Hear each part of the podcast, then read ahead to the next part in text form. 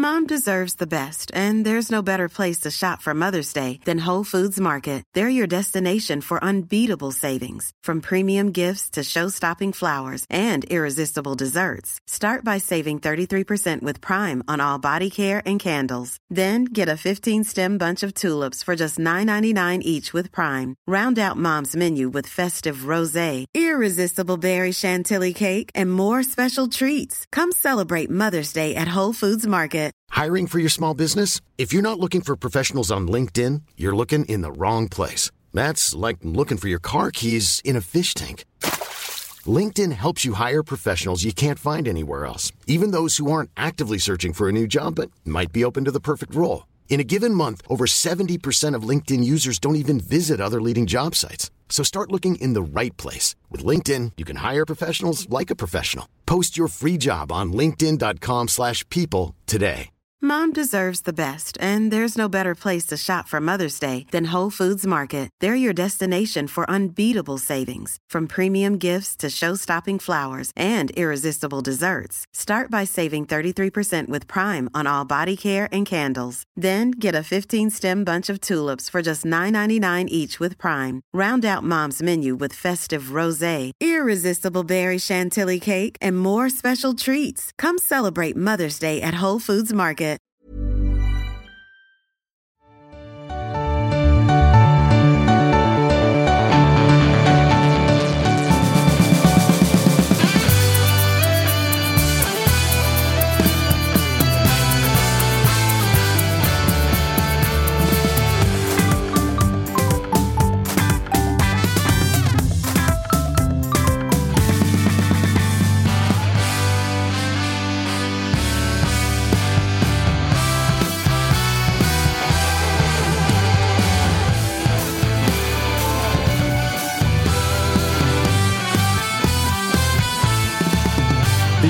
Säger varmt välkomna till Toto-svenskan. Det är avsnitt 194 om August Spångberg har räknat rätt. 10 maj är det och Kalle Nilsson, vi fortsätter med målvaktsspecial. Spännande tycker jag. Eller Ja, Vi hade ja. ju Malcolm Nilsson Säfqvist i veckan. Idag ska vi ringa dubbla målvakter. Mm, men det är den lite, den lite mystiska, dolda positionen, va? Mm. Ja, och stundtals ointressanta. Ver- Verkligen. Får vi ändå vara ärliga och säga. Inte stundtals. Nej, ganska ofta. ganska ofta, ganska ofta. Det, det, eh, det ska vi säga. Du har inlett dagen med att vara lite irriterad på chatten. Nej, men som vanligt. Det är väl så här, avgå... Alltså avgå innan vi har börjat, det tycker jag är hårt. Det är lite som jag känner inför Blåvitt varje, inför varje säsong. Så du kan ändå känna igen dig i känslan Alltså, någonstans. I och för sig, jag, fan, jag backar chatten ändå. Ja, Bra, bra. Det är lika bra. Det är lika bra. Vi får se vad du säger om 90 minuter. Anel Avdic tillbaka i Toto-svenskan-studion. Hur mår du? Äh, bra. Eh, kul att vara här. Eh, full fart nu. Det är jävligt mycket matcher och sådär. Så det känns... ehm, eh, det är nu man njuter som mest, höll jag på att säga. Och nu kan du fokusera på bara matcher ganska mycket istället för att gräva sill i rykten. Ja, skönt. Sen står man ju där i sommaren och med telefonen på semestern och ja, hela, Håller på och jiddrar. och håller på och jiddrar och har arga människor runt omkring sig som är konstant trött på en. Så att det är lika bra att ta vara på tiden nu. Konstant trött på en. Hörde du Jocke Hanäs när han var inne på och synade kvällspress gällande spaningarna om spelet bakom? Så fort det kommer en ny tränare eller en ny sportchef så går det en vecka så kommer eh, liksom artikeln. Spelet bakom. Han var inne på så här. Ja, man eh, tar reda på vilken tränare man vill ha och sen ringer man den tränaren och sen sätter man sig ner och så pratar man. Spe, spelet bakom rubriken. Kommer det komma mycket sådana i sommar? Eh, ja, men jag, det, det känns ändå lite grann som att den trenden var eh, betydligt värre förut. Alltså när man precis, om man får säga, liksom, alltså knäckte den. Alltså att det är det här vi ska göra. Det är det här som säljer. Det är det här som folk vill läsa. Nu kan det dyka upp titt som tätt, men min, min upplevelse är att det var mycket mer förut, för typ så här två år sedan, från, alltså från chefshåll eller liksom så här generellt i branschen. Eh, sen är det ett bra ord liksom för att rama in någonting. Det är som Eh, chock. Ja, men... Chockordet är ju trendigt nu. Exakt. Alltid chock. Usla chock. Ja, Man är just- väldigt trött på vissa ord. Eh, ladda. Men eh, spelet bakom är sån här, det är, en, det, är, det, är, det är en supermening för att rama in någonting som har hänt. En tränare till ett visst lag eller en övergång och så tar man reda på prislapp och vilka klubbar den personen har nobbat och du vet så här, eventuella twister och vändningar och sånt där. Så det, är, det är väldigt lätt inramat för våra redaktörer och eh, för, ja, för alla i Då får man ha branschen. med sig helt enkelt att Jocke Hanes sitter på västkusten. Alltså, jag tycker att vi ska börja använda det ännu mer. Ifall det är så att Jocke Hanes blir irriterad Ja. det, då ska vi nästan uppmuntra att köra ännu fler spelet bakom. Ja, ja, det är bra. Det är bra. Man, eh, när man läser och hör någonting från honom så får man känna att man lever i alla fall. Exakt. Eh, Josip Ladan, Jajamän. läget? Sjunde raka. Spettekaka. Nej, du, du kan den. Ja, bra, jag, jag börjar lära mig. Jag börjar Ja. lära mig. Det har Ja. någonting. Ja, Vad kommer det- ni köra på åttonde då? Alltså spettekakan blev ändå nu i samband med sjunde. Ja, här, vi får vad har vi fundera. Vad har, vi, lite vad har, vi, har ni planerat någonting redan nu? Nej, The Great har gjort det. Det, han har en jag, ska, jag ska kolla. Eh, Jag återkommer i Han, eh, The Great eh, PMade ju mig idag. Mm. Med bara liksom printscreenen på att det svenska transferfönstret numera är flyttat så att Pontus Jansson får två extra matcher. Så är det. Grattis! Mm, stort tack. Era jävlar.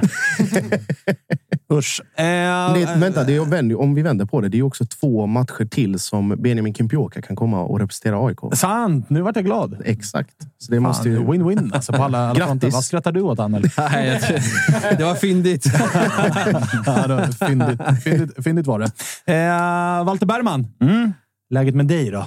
Jo då, det, det är väl okej. Eh, Solen gick upp idag också. Ja, solen gick upp idag också. Sist jag var med var ju efter AIK-krossen. Eh, Så att eh, det, det känns väl lite bättre idag, får man ändå säga. Även om det, det har ju bara gått ut för sedan dess. Men ja, det, det, det var mer mentalt jobbigt att hantera den förlusten än det här krysset. Men eh, ja, det ser skit ut för Bayern, så är det ju bara. Det gör det verkligen och det glädjer ju såklart mig. Jag konstaterade i det förra avsnittet att är man i kris så finns det ju bara en räddning och det är att dra med så många som möjligt ner in i den skiten. Så att man inte sitter eh, helt eh, ensam. Ett lag det går ganska bra för är ju Elfsborg. Gjorde ju en rejäl vändning mot eh, Sirius. Annel, tror du att Elfsborg är liksom en seriös utmanare där uppe i år? Nej, inte till SM-guldet. Det tror jag inte. Men jag Men tror att de, tre? ja, absolut. Det tror jag. Framförallt nu när två 08-lag ligger väldigt långt bakom. Jag tror att Djurgården fortfarande har goda chanser eh, att eh, hänga på. och Sådär. Jag tror inte att Kalmar och Norrköping kommer räcka hela vägen, men Elfsborg absolut. Alltså, de har ju ett gediget bygge, eh, fint material, kontinuitet på tränarposten och eh, liksom stora delar av spelartruppen. Och sen, eh, till skillnad kanske från förra säsongen så har man ju faktiskt fått fart på sina offensiva spelare. Eh, Ondrejka har gjort 5 plus 5, Bernhardsson, eh, Gudjonsen har gjort ett par viktiga mål och sådär. Så att det är ju, nu försvinner ju Ondrejka till sommaren, men jag tycker ändå att man står där bra. Man har Ockels, man har eh, Kassem. Alltså det, det finns, det finns liksom... Bernhardsson har till och med varit skadad. De gör massa Precis. mål och vinner ändå. Ja, och sen ska man väl aldrig utesluta att eh, Andreas som sitter på något kort här under sommaren. Eh, då pratar jag inte om Rodén, utan förmodligen kanske någon ung spelare eller någon ytter eller sådär. Så att, eh, jag, jag sitter i den båten där jag tror att Elfsborg kommer eh, vara ett liksom, stabilt topplag i år. Men tror du, tror du att Rodén kommer hem i sommar? Vi hade ju Niklas Hult här i fredags var det va?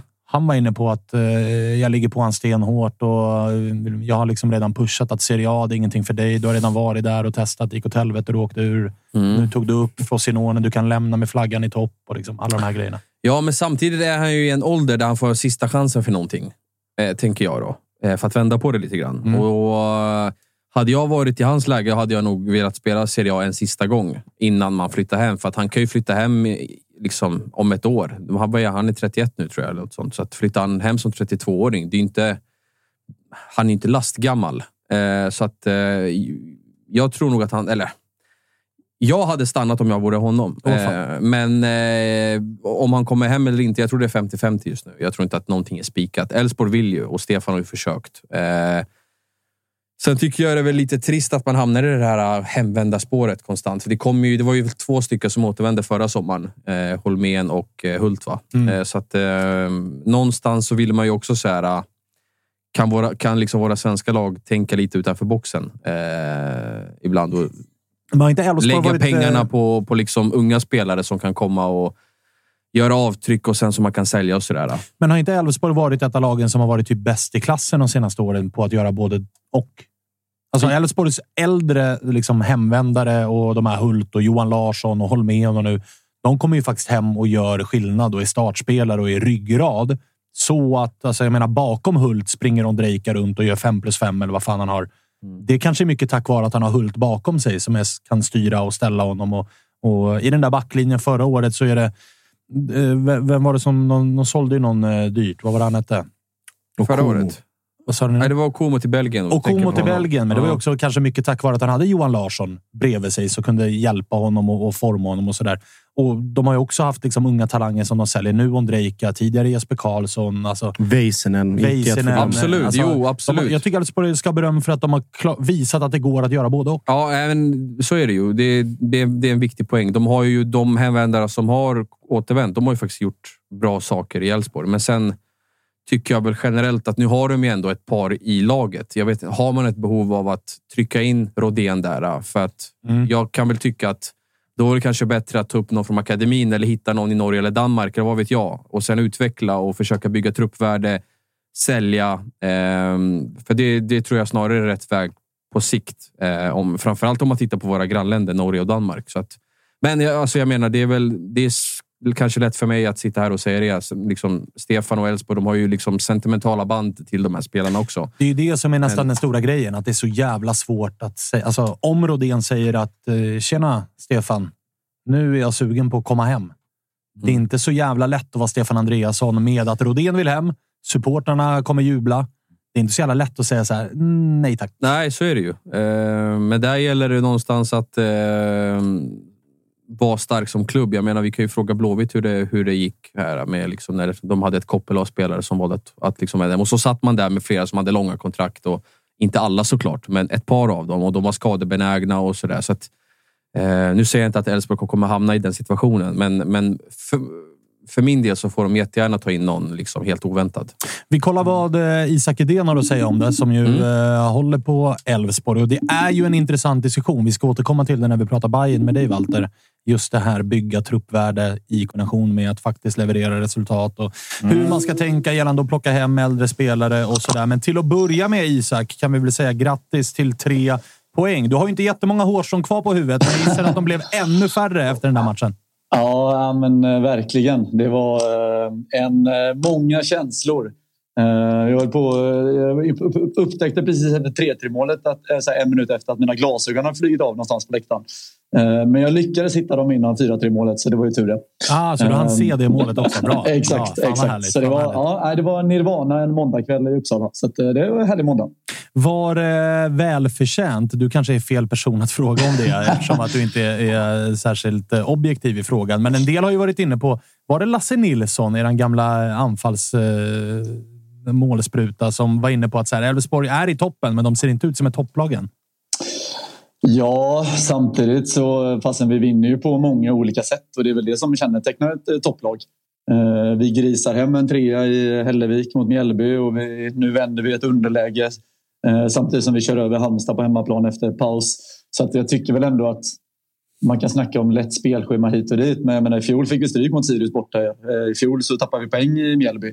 Eh, I år vinner vi de matcherna eh, och vi gör det ändå på ett imponerande sätt. Och jag satt verkligen och tänkte på det under matchen också. Att det var ett ganska okonventionellt sätt att forcera på. Utan vi, vi tog ut de stora gubbarna på plan och satte in ja, men små trixiga Eh, ja, småväxta spelare med fina fötter eh, som istället då satte fart på tempot och drev upp bolltempot eh, som gjorde att vi vann. Och inte det här klassiska ja, byta in en stor forward eller sätta upp en mittback på topp eller liknande. Utan vi bytte ut alla våra stora spelare och satte in ungdomar som visar att de definitivt hör hemma i, i allsvenskt spel. Så att, nej, det känns väldigt bra. Det förstår jag verkligen. En fråga gällande startuppställningen och vilka som spelar nu när formen är så jävla god. Det har ju faktiskt varit en, en eh, liten snackis runt Elfsborg de senaste åren gällande eran favorit Per Frick. Att han är klubbikon, men målskörden år för år, den är kanske inte tillräckligt bra och borde det inte vara läge på att kika på någonting som är lite bättre. Nu är han skadad. In har Gudjonsen eh, kommit och det smäller in bollar i nät. Kanske inte bara från Gudjonsen, men han är där. Han gör sina mål i sina matcher och så. Så att min fråga är ju, är Frick numera att anse som en eh, bänkspelare i Elfsborg? Um, nej, det tror jag inte. Um, alltså Gudrunsen blev ju utbytt efter 55 minuter igår när vi låg under med 3-2. Det säger ju ganska mycket om hans prestation. Um, så att jag tror absolut att eh, en frisk eh, Per Frick kan hota om en startplats. Jag tycker inte Gudjonsen... Han börjar väl ta för sig lite mer men det är fortfarande en bra bit kvar till vad man vill ha av en toppforward. Sen är det klart, alltså om Per Frick är skadad varannan vecka och ja, det tar ju längre tid för honom. Han blir ju äldre. Det tar ju längre tid att komma tillbaka till toppform. Så det är klart att Per Frick måste vara i toppform för att spela. Men eh, man glömmer ju, alltså det här snacket som du har, det finns ju överallt. Men man glömmer ju att han 2020 och 2021 gjorde ja, men, runt 15 poäng. Eh, och det är väldigt klart godkänt för en eh, toppspelare. Det var ju mest i fjol han var ganska dålig. Liksom. Men det är klart att de här skadorna ställer till det. Och jag menar, ja, Eh, det finns ju konkurrens, både Gudjonsen men framförallt Jakob Lav också då, som gjorde sitt första mål här i Uppsala. Hur ser du på eh, Ondrejka nu då? För att nu flyger han ju. Nu äntligen så är det den fantasy-gud som man trodde inför förra säsongen. Eh, och så har han då i samband med det precis kritat på för en flytt. Hur bittert är det att han ser ut som han gör nu när han ska dra om bara någon månad? Ja, nej, men det är klart att man kan. Eh, det är klart att man eh, hade gärna sett att han har tre år kvar på kontraktet och exploderat nu eller i höstas. Ehm, samtidigt så får vi vi får 15 mille för en gubbe med sex månader kvar på kontraktet och vi får framförallt ett halvår av med en toppspelare i allsvenskan vad det verkar och det behöver vi verkligen. Ehm, så att man får väl se det på den positiva sidan. Sen hade man gärna sett att Jakob gjort den här resan i förra våren. Eh, då hade vi fått minst 40-50 miljoner kanske. Ehm, så det är lite trist samtidigt som sagt, nu får vi njuta av honom ett halvår. Och han är ju fantastisk eh, och det är en spelare som... Eh, ja, men, man märker dels att han trivs att spela i Elfsborg men också att han bjuder på extra saker som, man, som ingen annan i den här serien gör nästan. Alltså, han har nedtagningar och dribblingar och skott och allting. Så att, eh, ja, nej, man får passa på att njuta och framförallt så får man ju se till att ha honom i sitt fantasylag och sätta binden där för då ramlar det in en jävla massa poäng. Ja, framförallt när han till och med får eh, solklara självmål till sig. exakt. exakt. Ja, men det tackar vi ta emot för. Ja, det förstår jag. Det förstår jag. Men du, eh, behöver ni ersätta honom? För att ni kommer ju vara, alltså, ni kommer ju hamna i ett läge här nu där han kommer att försvinna samtidigt som Elfsborg är åtminstone ett topp fem-lag i allsvenskan när fönstret öppnar. Och då kommer det snackas utifrån om att så här, oj, oj, oj, hur ska de ersätta honom? Och det finns säkert en strategi där det finns någon ny gubbe på tur, men det är osexigt och det ger inga rubriker. Och liksom, du förstår vart jag vill komma. Tror du att den här pressen på att man behöver ersätta honom kommer påverka eller litar man på att ersättarna finns i truppen? Um, ja, men först och främst, jag höll på att bli vansinnig på Anel och snacket om Rodda. Där. Fan, det, jag så där kan vi inte hålla på. det är en landslagsman i rätt ålder och spelar kontinuerligt i Serie B. Så det är klart att vi ska ha hem Rodén. Det är inget snack om saken. Um, så det, det, är klart att han ska hem i sommar. Um, nej, men jag tror att vi, vi behöver värva en uh, spetsgubbe. Sen om det är en ersättare till Ondrejka eller om det är en central mittfältare, Marcus Rodén Eh, Eh, det, ehm, det, får vi väl se beroende på vad som finns tillgängligt. Jag tror, eh, ehm, jag tror Roddan står etta, tvåa, trea på den önskelistan och sen så jagar man nog lite klassiska Elfsborgsvärvningar som ingen har hört talas om och som kommer från någon andra division och som slår ihjäl som vi pratar om om ett år eh, i den här podden. Ehm, vi har ju Ahmed Kassem som ser väldigt, väldigt fin ut. Vi har Alexander Bernhardsson och finns ju där. Jag tycker inte Anel hypar honom. Jag tycker inte han är... Han är eh, sådär tycker jag. Men eh, det är klart att det är en gedigen allsvensk spelare. Hypar jag så att han var bra bara? ja, det, jag tycker att vi behöver en bättre än Jeppe Ockels. Så jag tycker att vi ska värva. Men jag ser helst att Marcus Rodén kommer hem för då får vi en, en spelare i helt rätt ålder. Um, som ändå spelar. Alltså det är en jäkla, man ser på Sebbe Holmén och Niklas Hult att får man hem motiverade hemvändare i rätt ålder som kommer från speltid. Det är eh, klassgubbar i allsvenskan. Eh, och det är de man bygger en stomme för där. Ja, men som du var inne på Svanen. Att Ondrejka och eh, Kassem och eh, Jakobelav och eh, Baidoo alla, allt vad de nu heter kan eh, blomstra kring de här gubbarna. För man behöver lite stabila pjäser som är ruggigt bra. Du, med tanke på formen här då och vart ni befinner er i tabellen. Har du i ditt supporterhjärta börjat revidera målsättningar och annat med, med den här säsongen nu?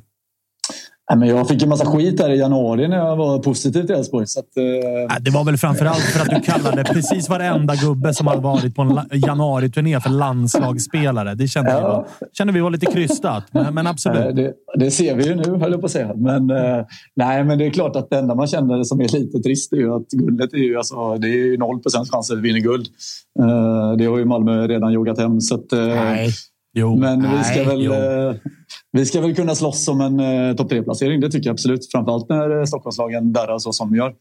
Eh, Men framförallt så njuter man ju nu av att gå på fotboll. Det är ju så jävla kul att se Elfsborg vinna. Så att, eh, man, eh, man får njuta av de segrarna man får och så vet vi att det kommer ett brutalt sommarschema alldeles strax. Så att, eh, ja, det- är upp till bevis då. Ja, fy fan vad avundsjuk jag är på nju- av att njuta av att gå och se på fotboll. Men absolut. Jag ser Ja, på... men det är fantastiskt. Ja, på tal om att njuta av att se på fotboll. De här sedvanliga insändarna i Borås Tidning fortsätter ju ramla in. Ja, När fan, ska det, när fan ska det upphöra? Vad var det nu? Berä- Ge oss lite kontext här. Ja, men det, kontexten är väl att efter varje match i Borås någonsin de senaste fem åren så kommer det en, en arg insändare. Jag börjar tro att det är samma person.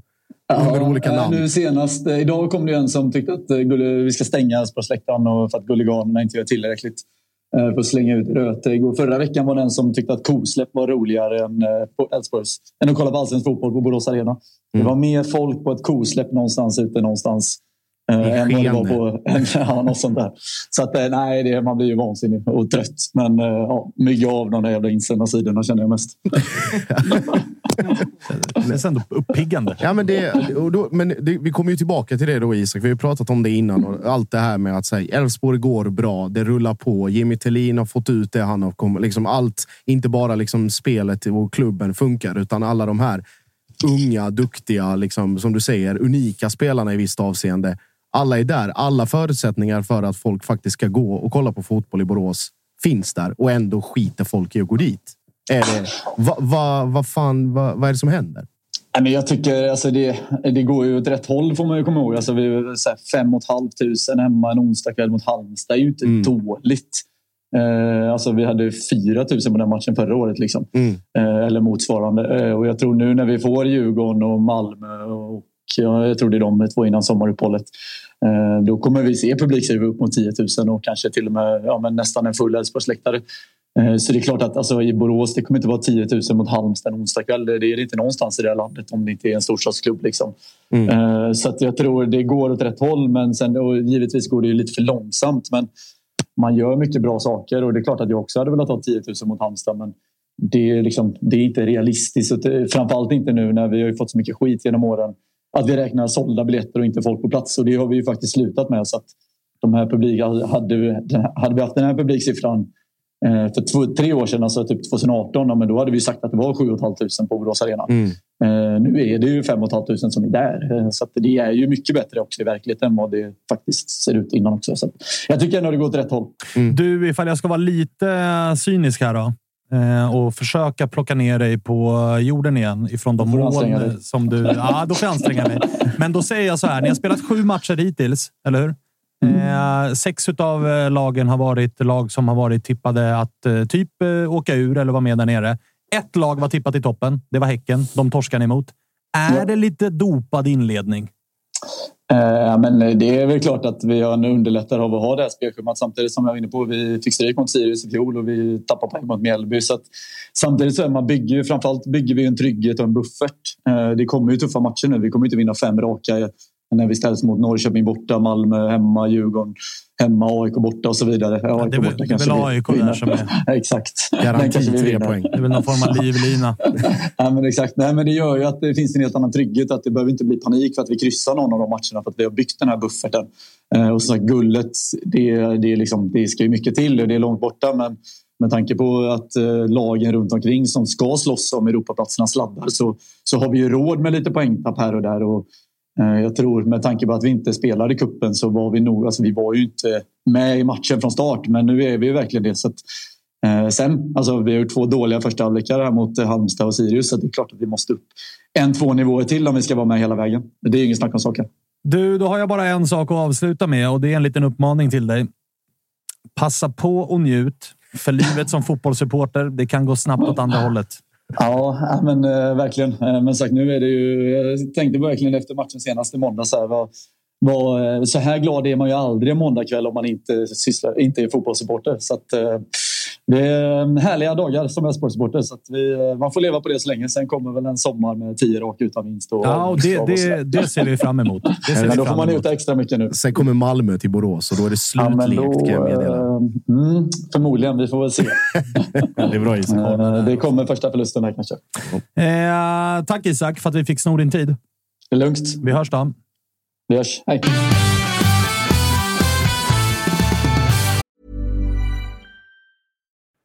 Vi är väldigt stolta att presentera det här samarbetet, August. Det är ju tillsammans med Mindler och det är ju Sveriges största digitala psykologmottagning. Det är inga väntetider. Du träffar en psykolog vart du vill med din telefon. Ett besök kostar bara 100 kronor och frikort gäller då Mindler är en del av primärvården. Och varför är det så viktigt att prata just kring Mindler, Agge? Ja, men jag upplever, och många, många med mig också, att det finns ju det finns någonting eh, jobbigt att prata om de här sakerna och Mindler vill ju bryta stigmat som finns när det kommer till att prata om mental hälsa. Eh, inte minst bland män upplever jag det som att det kan, eh, ja, men det kan finnas en tröskel att, att faktiskt öppna upp vad man känner och hur man mår.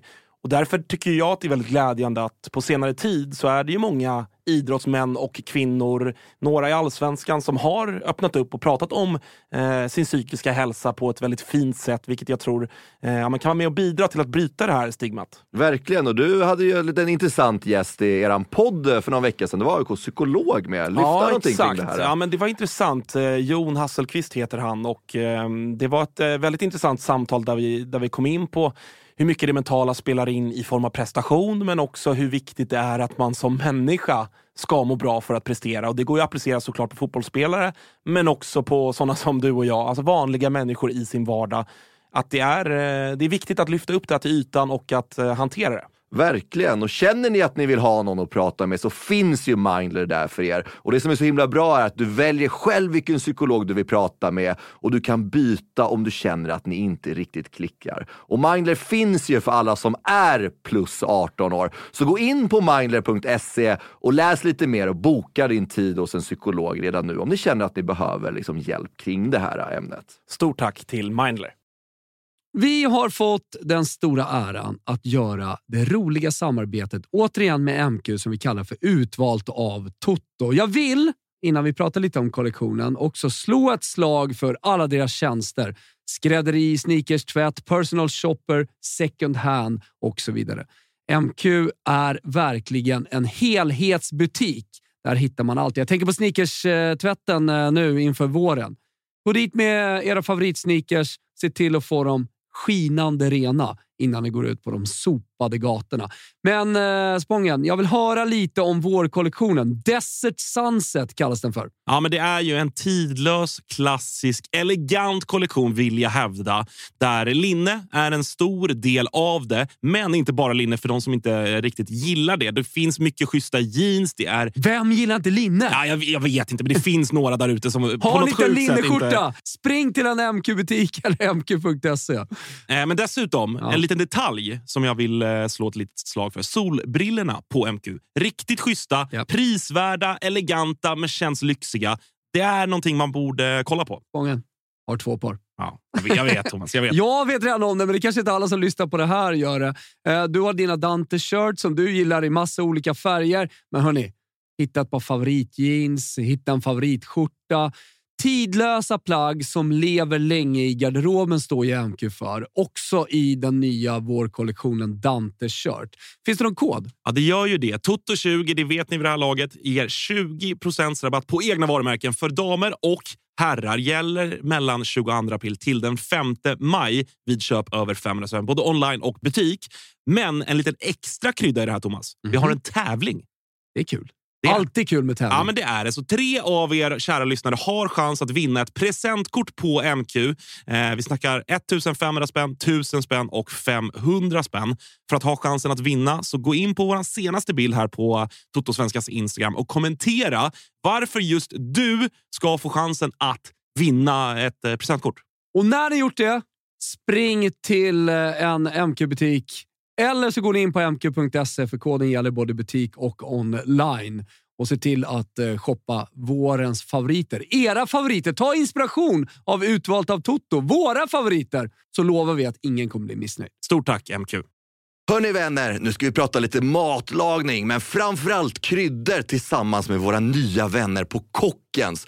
Kockens har ju varit en ledande aktör och innovatör på den svenska kryddmarknaden sedan 1950-talet. Och de har ju en ny superkrydda, chili jalapeno flakes, som är perfekt till våren och sommarens fina grillning. Och jag testade faktiskt den här i veckan. Körde på en riktigt fin flankstek på grillen, körde på chili jalapeno flakes, lät den ligga lite på indirekt värme i några timmar. Plockade upp den, tog fram lite tortillabröd, la på den här perfekt grillade flanksteken, toppade med lite picklad rödlök, koriander och lime. Mm vad gott det var! Och kryddan finns att köpa på Willys. Så plocka fram grillen nu och använd den här superkryddan som är perfekt till kött men funkar också lika bra till fisk. Eller kanske till en riktigt fin spicy margarita där man kan garnera kanterna med den här nya chili jalapeño-smaken från Kockens. Stort tack för att ni är med och gör Tuttosvenskan möjlig, Kockens!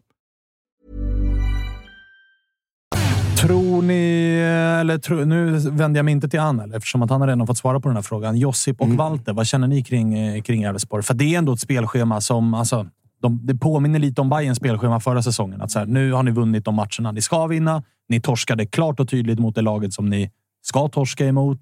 Kommer de inte sladda ner och bli sjua? Nej, det, det tror jag inte. I vart fall med tanke på, så, som han är inne på, hur, hur konkurrensen ser ut. Att, eh, framförallt då för Bayern och Djurgården som har varit tippade i toppen, även AIK. Så med, med tanke på deras start, så, så de, de ska konkurrera mot känns det som att det, det Djurgården tror jag i och för sig kommer vara med, men framförallt Häcken och eh, ja, Malmö förstås. Då. Så att det, jag tror ju att Häcken och Malmö kommer ta två av Europaplatserna, så de ska slåss om den tredje. Och för mig känns som enda utmanare riktigt eh, i dagsläget tror jag är Djurgården. Eh, Så av den anledningen så, så tror jag absolut att de kommer med. Vad gör du av eh, resonemanget Anel var inne på inne då, eller innan med eh, liksom hemvändare utav eh, Rodén? I min bok hade det nog varit en ganska klok. Jag tycker Isak är inne på en bra grej också. att Det är faktiskt en spelare som kommer från kontinuerlig speltid. Han är i bra form. Det är inte att vi ska tina upp en 33-åring från en frysbox där han har suttit och räknat pengar och legat på soffan i ett och ett halvt år. Utan det är mer eller mindre rakt in i laget. Ja, nej, men jag är i och för sig mer på, på spår där. Att jag, jag tror ju en, en vettigare filosofi är att blicka framåt. Men sen är det såklart, man får ju alltid göra en individuell bedömning. Hur ser liksom den aktuella hemvändan ut? I Bayerns fall så, så är det till exempel ganska enkelt, för vi har varit så dåliga under så länge så vi har liksom inga bra spelare ute i Europa att vända, som kan vända hem. Ehm, Men nej, jag, jag hade väl också tyckt om, om jag vore Elfsborgs-supporter, nu vet jag inte hur starka känslan kring Rodén är, men, men som Bajare... verkar vara starka. Ja, de verkar uppenbarligen vara starka. Men, men som Bayer i vart fall så är jag väldigt mot hemvändarspåret. Jag vill hellre liksom blicka framåt och hitta något nytt. Och till exempel i Malmö, som, som vi har snackat om lite tidigare, där tror jag att det hade varit helt fel strategi. Nu, nu när Pontus Jansson kommer hem, visst, det, det är ju lite ett specialfall. Men snacka om att ja, då ska Elander hem, då ska Svanberg hem och liksom For- Forsberg och så här. Det tror jag för, för Malmös del hade varit helt fel spår. Att man liksom ska, ska plocka in tre, fyra 30-åringar med, med tanke på hur det ser ut i Malmö nu. Eh, där tror jag man måste liksom blicka framåt och, och tänka på framtiden. Jag tror att repet kommer dras någonstans. Vi pratade ju om så här, hur skadade är Hela- Alltså inte liksom så här, okej nu kommer Jansson och då ska alla hem. Och så här, repet har ju någonstans redan dragits Ja. med att så här, Jimmy Durmaz, där var det stängd dörr. Ja, exakt. Han hade den lilla luckan där när han valde att stanna kvar i Turkiet och sen liksom Ja, det är tre år sedan. Typ. Det är tre år sedan. Men det är, jag tror med Helander och hans fysiska status, jag tror inte att det är hundraprocentigt att Malmö faktiskt vill gå för det heller. Eh, Forsberg är också, som, om du pratar om Jansson som specialfall, en specialfall, så är Forsberg också en typ av så här, det är en för bra spelare för att inte ta hem. Robin Olsen är en naturlig spelare att plocka, givet målvaktssituationen. Diawara tror jag inte nöjer sig. Han har ju, nu har han två år nykritare, men jag tror inte han nöjer sig med att vara backup samtidigt som Johan Dahlin visserligen hittat tillbaka efter sin otroliga kostomläggning eller vad det var man läste. Han liksom slutat äta pizza när han var 34. Liksom. Framför, det var väl framförallt giffelpåsarna han Mycket lagt gifflar. Ja, ja, men jag förstår Man har ju varit där med giffelpåsen. Så Ah, Ja, alltså, jag fan förstår. jag känner med det. Det måste varit värre än att sluta med snus. Men just, ja, exakt. Men förlänger den karriären lite grann. Så att det är väl liksom, om man ska ta de tre, Forsberg, Robin Olsen och Pontus Jansson. Sen kanske liksom kapa bort Helander, kanske någon till. Svanberg har ju massa år kvar där ute. Alltså inte liksom alla till varje pris, utan att man Men, verkligen men, absolut, specialskapar. all, alla fattar att Forsberg liksom skulle gå rätt in i Malmö och att han, Mm. eh, han är för bra för att tacka nej till. kan man säga. Men samtidigt behöver Malmö bli så jävla mycket bättre nu. Då, sett till att de konkurrerar trots allt mot de andra 15 lagen och de är ju helt överlägsna. Så Mm. är det liksom nödvändigt eh, med tanke på att han, han kommer ta upp en plats då och det finns ingenting att bygga vidare på på tre års sikt och så vidare. Alltså, behövs han även om han såklart skulle ta en tröja? Ja, det är väl i så fall om vi skiftar fokus från allsvenskan ut i, i Europa i de avgörande kvalmatcherna. Om man vill nå, liksom, om man vill nå Champions League igen eller om man komma in i Europa League. Då är liksom Forsbergs rutin eller Robin Olsens rutin och erfarenhet ovärderliga i de sammanhangen. Det är väl till det, till det priset i så fall. Sen alltså vad som finns därefter. Alltså, jag tror inte Nan- Nanasi spelar max den här säsongen ut i Malmö. Sen är han borta. Taha Ali behöver bevisa sig ytterligare något steg innan en, en Är klubb- ju också en truppspelare om vi ska ärliga. ska liksom bevisa sig ännu högre höjd i MFF för att liksom bli aktuell för utländska klubbar. Och sen vad, vad har du där bakom? Det är Stefano Vecchia som också är liksom kommit tillbaka för att någon form av liksom Ja, och han är väl kickstarta- eh, 27? 27-28 däromkring. Och sen Berget sa man nej till, eller tackade man för lång och trogen tjänst förra året. Sören Rex ska sluta.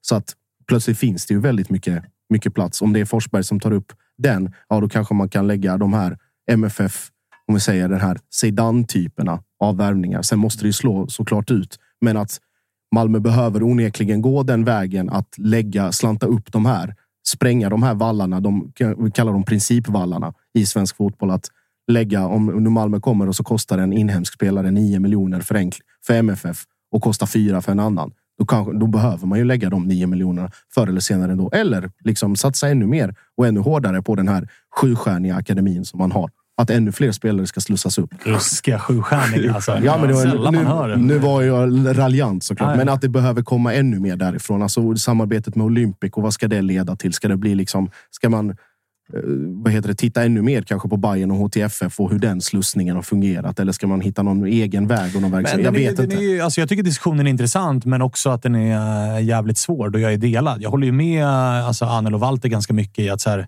viss, alltså någonstans måste eh, gränsen dra. Det hade varit fräschare att göra liksom, å ena sidan pressa väldigt hårt och tänka framåt och så där. Men där är ju just nu i alla fall. Vi ska absolut inte ropa hej ännu, men Bayern är ju ett tydligt exempel på hur man liksom ganska snabbt gjorde sig av med gubbarna runt 30 och satsade ganska tydligt på nu ska vi bygga truppvärde.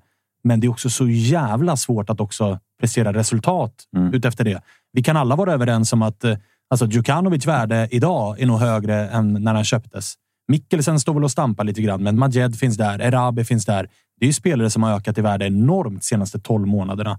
HTFF-gubbarna som har kommit upp. Hammar lika så. Kurtulus lika så.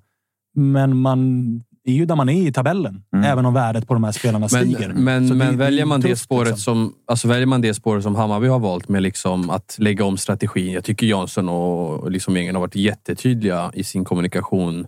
Framförallt i media. Hur man, hur man har lagt om liksom så här, vilka spelartyper man värvar, vilka åldersspann man tittar på. Alltså de har varit, eh, jag tycker att eh, de har varit väldigt transparenta där. Och då tycker jag att har man valt det spåret, när man blickar mot Salzburg och de här klubbarna, Nordsjälland och så. Då, och man har varit så pass transparenta i den frågan mot supportrar, mot media, mot experter. Då tycker jag att någonstans så får man köpa, tycker jag, att så här, eller köpa. Det är klart att det smärtar som, som en supporter, men någonstans så kommer ju det finns en risk att det blir en effekt på de kortsiktiga liksom, resultaten. Att man kanske förlorar någon match mer. Att man kanske kryssar Mjällby hemma. Eh, förlorar 0-2 borta mot Peking fast att man hade två frilägen som Djukanovic kanske borde ha förvaltat lite bättre.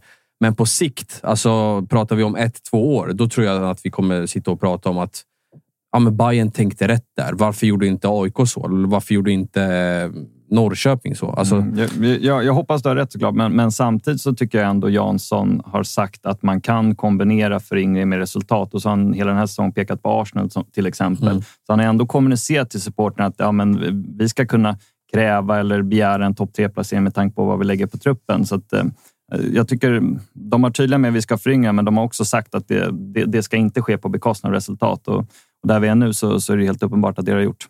Jag tänker också på alltså den vad Jesper Jansson och liksom ledning och klubb kommunicerar och liksom strategi och övergripande plan. Det är ju en sak, men det är fortfarande. Det ska liksom. Alltså omklädningsrummet talar sitt tydliga språk. Spelet talar sitt tydliga språk. Det är svårt att få liksom 11 man, om ens 11 man. Än, än svårare att få 22 man att liksom hela tiden tänka process. Att hela tiden tänka på så här, det är inte nu vi ska vara bra, det är om sex månader eller om ett år. Det är då de ska komma allting sånt. Alltså hur mycket tålamod har man med det? Och då kombinera det med, med en tränare som har varit omskriven och omtalad för andra större uppdrag tidigare. Hur mycket tänker han på? Och som var nära i fjol. Ja, jag, menar, jag menar inte att Marti har huvudet någon annanstans. Alltså tvärtom. Jag menar bara att det finns distraktioner här och var för någon spelare. Alltså, till exempel Majed blir ihopkopplad med liksom, okej, okay, nu är det 20 scouter här och kollar på dig. Mikkelsen får press på sig för att han kostade 20 miljoner och inte bevisat någonting. Adinalic får press på sig för att han kommer tillbaka från en korsbandsskada och är den enda som visar upp något. Marti är liksom, alla har ju sina små bekymmer i vardagen eller på kort sikt. Ja, sen Men då det- på lång sikt liksom, och komba det. Och sen då har du Jesper Jansson som säger att vi ska ställa om, strategin kommer, men vi ska också prestera. Och sen har du supportertryck på det. Jag vet inte om vi jag alla är förstår- riktigt redo Jag för förstår det. ju att Marti också... Alltså, nu vet inte jag om han är frustrerad, men jag tolkar honom i alla fall som aningen frustrerad. Det tror jag. Och jag kan absolut förstå att han är det, för att förra året så hade han ett visst spelarmaterial. Han är också nära att vinna titeln och liksom Jesper Jansson och de kommunicerar utåt att nej, men vi föryngrar, men vi ska, som du är inne på Walter, vi ska inte kompromissa med resultaten. Och så står Marti där och bara, men hallå, varför ger ni mig ett juniorlag då? alltså, hur ska jag leverera resultat Men där får ju Marti ha med sig... Han har ju varit missnöjd över vissa rekryteringar, men där kan ju, alltså inte ens han kan säga till Jansson och Hjelmberg att, att, eh, att de inte har försökt. För att de var ju liksom sekunder ifrån att få Noah Persson och sen så tvärvände han och liksom signade för Young Boys. Äh, Då får de ta Anton Kralj som Marti vill ha in. Då får ju han en spelare som han har haft förut. Samma sak på högerbacken. De satt ju inte där i januari och ville ha Strand. Det var ju liksom nummer tre, fyra på listan. De ville ju ha honom från, från, från, från Bodø Glimt, Wembangomo eller vad han heter. Men där var ju liksom norska klubben benhård och inte ville förhandla. Så att de har ju verkligen... Alltså, I ett första och andra läge så har de gått ut hårt och försökt liksom så här. Vi vill ha in etablerade backar som ska stå för en viss standard. Sen som det såklart, eh, det är ju tufft på sillen. Liksom. Alltså ibland så av olika skäl så kan man inte få nummer ett och nummer två på listan och då får man jobba i ett annat läge. Nu kommer det ett nytt fönster.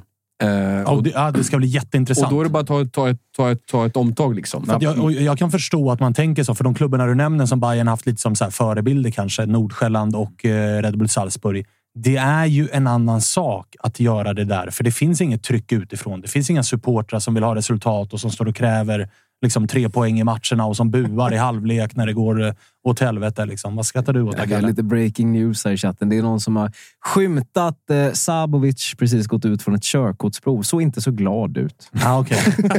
vi, vi gissar bom då. Vi gissar bom. Synd. Bättre lycka nästa gång. Eh. Kanske du kan gräva på någon. Nu när det är dött på, nu när det är dött på Sillyfronten innan, kan du gräva lite Nej, i jag- vad, vad jag Bessard fick på, jag släpper körkortsprovet. alltså. Nej, men du förstår vad jag menar Walter. Mm, här, ja. det, man kan använda dem. Jag har ju haft den här diskussionen med 100 aik som är så här, titta på både Glimt och titta på Nordsjälland och titta på Red Bull Salzburg. Men det är en helt annan verklighet de jobbar i. De kan ta tio år med pissresultat och sen det elfte året så bara kolla, nu fick vi träff. AIK, Bayern, Djurgården för all del. De kan inte göra det. Jag, går jag, inte. Jag, jag tror i och för sig att i Bayern har man i vart fall kunnat det historiskt sett. För, för det har ju varit rätt tydligt liksom, sen vi var uppe i allsvenskan att eh, supporternas förväntningar på laget har varit ganska lågt ställda. Men så att hade man från Janssons sida till exempel sagt att eh, vi ska ställa om nu, föryngra, det här kommer generera stora intäkter, vilket kommer förbättra vårt resultat över tid. Och så att man hade sagt att det kanske blir en mellansäsong i år. Då tror jag hade funnits större mm, förståelse för. För att jag upplever ändå att förtroendet, i vart fall fram tills nu, har ju varit väldigt högt för, för Jesper Jansson, det arbete han har gjort. Så att, men, men så problemet är väl att kommunikationen kanske in, har varit lite bristfällig. Sen apropå det där du sa om Marti är missnöjd så tyckte jag var rätt tydligt. Mm, han, var, han intervjuades på officiella eh, i veckan här och eh, då så, så fick han frågan. han han berättade att han kom till Hammarby. Från, han hade en bra situation i Ålborg. Han kom till Hammarby mycket för projektet och för spelarna som var i truppen. Så han, så han tyckte det fanns liksom något intressant med det gänget och, och sen är han inne på att nu har alla de försvunnit så nu ska vi börja på, på ny kula ungefär. Så, så mellan raderna så tycker jag det är helt uppenbart att han är inte nöjd med, med det material som han fått i knät inför den här säsongen. Rätt eh, tydligt. Ja, vi ska prata mer om matchen mot eh, Mjällby och vad Bayern behöver ändra på framåt. Men vi ska ringa en målvakt nu. Oskar Jansson. En av två. En av två målvakter som vi ska ringa i eh, det här programmet. Hur i säsongsinledningen... Strunta i förra säsongen. Hur högt håller ni Oskar Jansson den här säsongen? Väldigt högt. Mm. Tycker att det kommit in, om man pratar när man... eh, Fan ska jag sitta och dra referenser till hur det är när man springer? Fan vet jag om det. Men andra... Det var länge sedan du gjorde. Ja, det kan man säga. Eh, andra andningen.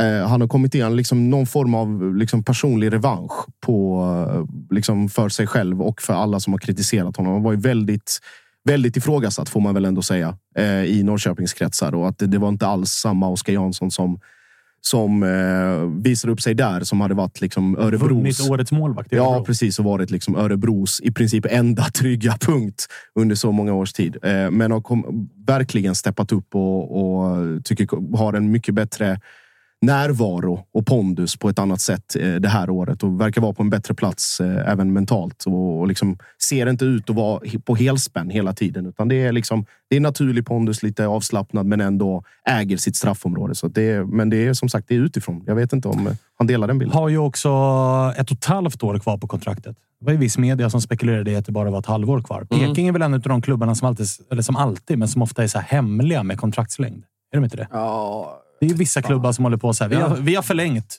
Man bara, hur länge då? Det säger vi inte. Har förlängt. Ja, Jag har inte riktigt den. Jag vet inte. Jag har inte riktigt någon eh, uppfattning där. Då. Ah, okay. Eh, Såg ni för övrigt Pekings eh, nya tröja? Ja. Mm. Tycker ni om den då? Eh, två getingar. Två getingar. Ja. Alltså, då är Har jag snäll. du sett den, Walter? Nej, är jag vet inte fan. Jag, jag har ingen bild. Vi, vi, kan, vi kika på den för er som tittar på oss på Jaha, Youtube. Så ser den ja, ut så här. nej, det var ju en geting då. Ja. Vi får väl lov att konstatera Färg, färgkombon gräs är. eh, 1 plus. Eh, kopplingen till staden och eh, presentationsvideo 5 plus. Ja, det får vi lov det att säga. Men det var så jävla roligt Men den är ful när, som när stryk. eh, jag frågade, jag frågade ju Marcus Tapper, som ju är, som supportrar är, att om någon kommer och kritiserar ens klubb, då är det taggarna utåt. Då försvarar man, nu upp med sköld och lans och hela paketet. Då frågade jag bara, varför ska ni göra en tredje tröja? Det är bara klubbarna som spelar i Europa som är tredje tröja för att Uefa kräver att man har tre olika matchtröjor. Och då luskade ju han i det här. Och så kom han eh, till mig idag och så sa han, äh, men vårt eh, damlag spelar bortaderby i helgen mot Linköping och de har liknande färger. Så därför var vi tvungna att ta fram en tredje tröja för att annars blir matchen inställd. Och så gick jag in och kollade på Linköpings eh, tröjor. De är alltså hel marinblå. Heltäckande marinblå tröjor. Pekings tröjor är vita. Men Ja. Tapper har alltså köpt lögnen om att de var tvungna att göra det här. Istället för att bara säga som det. Det är en PR-kupp. Vi ville göra en skön video och en rolig grej. Eh, tyckte jag var jävligt roligt i alla fall. Ja, vi kan ju fråga Oskar vad han tycker om Ja, vi- det ska vi absolut göra. Undrar om målvakterna har fått en eh, special eller om de bara får snurra på två. Ja, det Tycker alltid lite synd om målvakterna när det kommer såna här specialtröjor och de bara får någon sån här... Ja, ah, du fick en gul. Ta, ta förra årets bortatröja. alltså, verkligen. Eh, vi får se ifall vi får svar. Nu så, Oskar Jansson. Hur mår du? Ja, bra tack. Själva då? Vi mår toppen. Kul att se dig. Förra gången så fick du inte igång den där kameran. Eller hur? Mycket bättre nu. Nej, nu har jag blivit mycket tech på två, tre veckor. Där. Härligt. Eh, vi sitter och pratar om er nya tredje tröja. Mm, Vad tycker du om den? cool va? Ja, Jag, jag gillar den starkt. Alltså. Alltså just med alltså, färgkombinationen i sig är kanske ingen eh, dunderhit så. Men när man ändå vet varför och bakgrunden och allting så eh, tycker jag att nej, jag tycker den är skitcool. Så Ja, att, alltså- eh, den- har fått till bra. Alltså. Jag gillar ju att man gör liksom historiska kopplingar och att det finns en story i tröjan. Och Det är väl det som gör att den blir snygg, så det kan jag hålla med mig om. Men du, har du som eh, målvakt också fått en specialtröja eller får du bara snurra på de två ni har? Mm, Ja, vi har ju tre, så jag kanske, får använda tredje, ja, kanske får använda tredje tröjan. Jag vet inte. Ja, okay. Men eh, nej, men eh, spårvagnströjan till utespelarna. Mm. Vi är ju udda som vi är målvakterna, så vi får ingenting för det. Liksom. Kanske lika bra, tänker jag. Kanske är så. Du, Nej, eh, men den var bra. Den var cool. Det var en cool lansering av den också, tycker jag. Så, Ja, video, var- videon var ball. Det håller, jag, det håller jag faktiskt med om. Eh, men du, ni, ni, eh, jävlar vad ni tuffar på. Ni mår bra nu. Ja, nej, men absolut. Eh, det var en bra vecka förra veckan med sju av nio möjliga. Så att, eh, det känns ju naturligtvis jättebra. Är det någonting eh, speciellt ni har liksom eh, gnuggat på för att eh, liksom få till den här formen så här, så här tidigt? Eller har det bara varit då, det gamla klassiska, tro på det vi gör? Nej, men vi har inte gnuggat något speciellt i veckan så, utan det är väl mer att vi har fått till en defensiv som är stabil och strukturerad och bra. Och ju mer vi får göra det och ju liksom ja, men, eh, så ödmjuka som vi har varit i det, det genererar poäng. Och det kommer eh, fortsätta generera poäng eh, alltså, mer i år också. Men jag syns att det har gett oss grunden till att vinna matcherna sent inte speciellt mot Bayern, eller inte minst mot Bayern när vi gör två mål sista kvarten eller vad det är. Så att vår defensiv har gett oss möjligheten att vinna. Eh, våran gode vän Marcus Tapper, som ju håller på ditt lag, har ju berömt eh, Anton Eriksson väldigt mycket. Nyförvärv ifrån Mm. eh, förra sommaren. Du har ju varit med på, på hela hans resa. Hur viktig har han, an, hans ankomst till eh, er defensiv varit? Nej, men han har ju kommit in och, och gjort det jättebra. Eh, han hade ju en del erfarenhet från allsvenskan sen innan och det hjälper ju. Sen så har ju allt varit ett steg upp på honom egentligen. Komma från Sundsvall till, till Norrköping. Så att, eh, jag tyckte han gjorde en jättebra höst.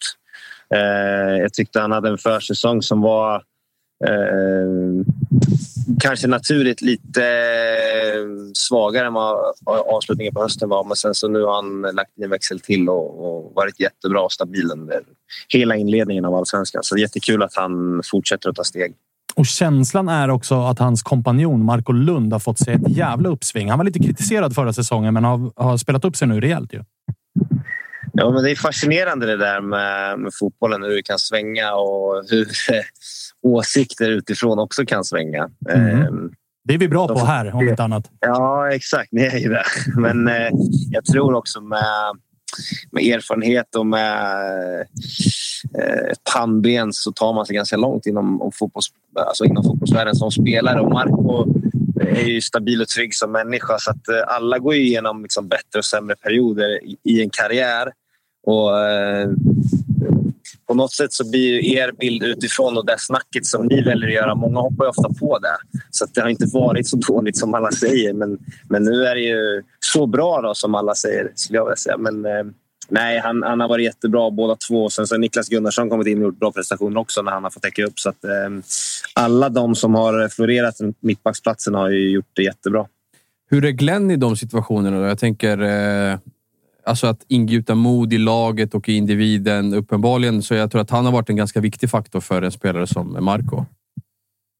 Nej, men så är det ju. Och, eh, på något sätt ibland så eh, behöver någon som tror på en och ger en liten eh, varm hand på axeln eh, när man behöver det som mest. Så att, eh, det är väl klart att eh, det har gett Marco mycket naturligtvis. Men, men han vet att han är bra. Liksom.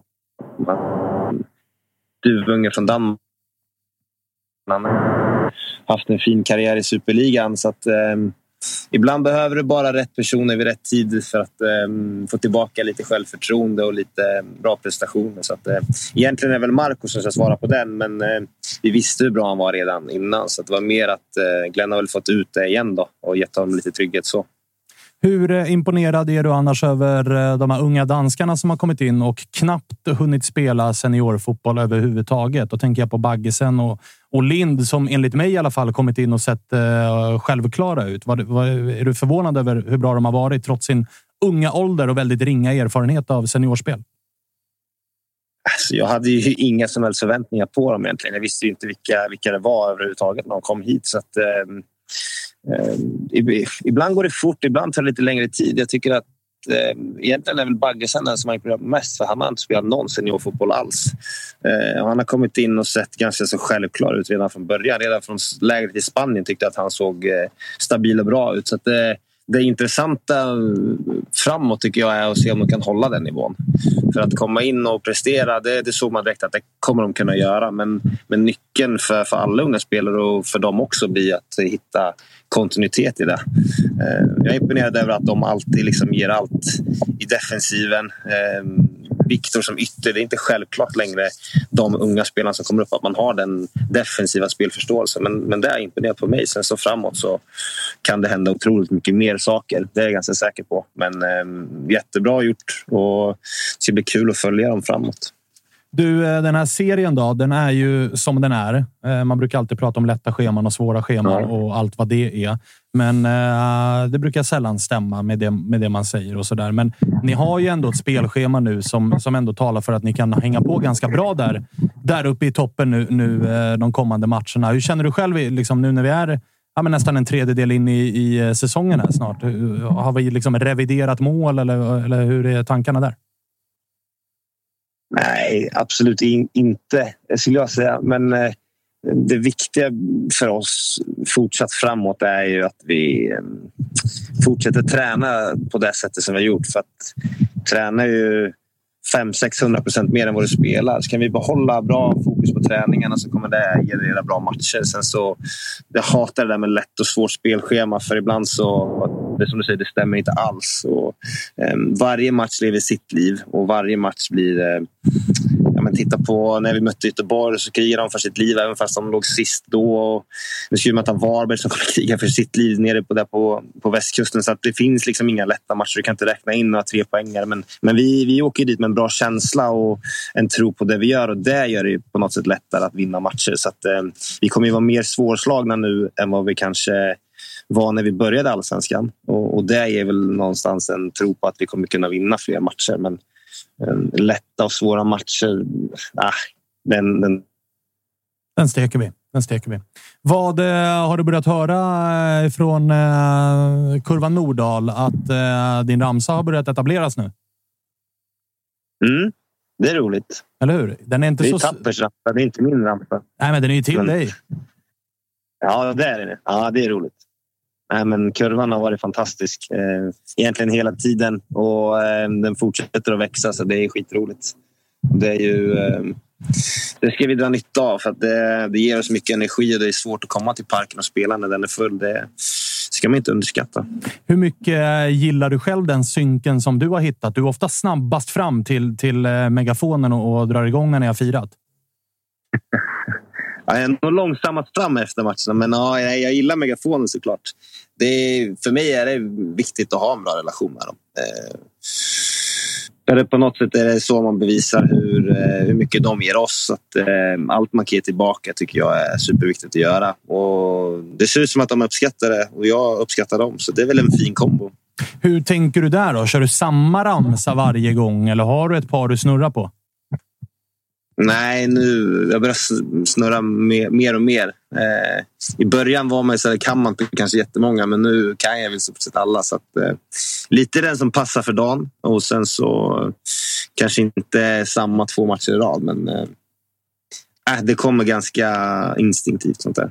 Hur nära är du? Alltså, håller ni nollan i nästa hemmamatch? Säg att ni håller nollan nu mot Varberg och så håller ni nollan hemma mot Elfsborg. Då har ni fyra raka nollor. Är det inte läge då att du dammar av din egen ramsa? Nej. Nej. Nej, det kommer jag aldrig... Nej, det gör jag inte. Det, det blir lite... Nej, det skulle jag inte göra. Ja, okej. Det, ehm, jag drar gärna igång Tottes ramsa. Och förra året drog jag igång Levis ramsa någon gång. Sådär. Men nej, jag skulle aldrig dra igång min egen. Det, det skulle vara svårt att göra. Men du skulle kanske kunna... vinner, om man vinner SM-guld och är riktigt på kanelen, då kanske man gör det. Men annars tror jag inte att det händer.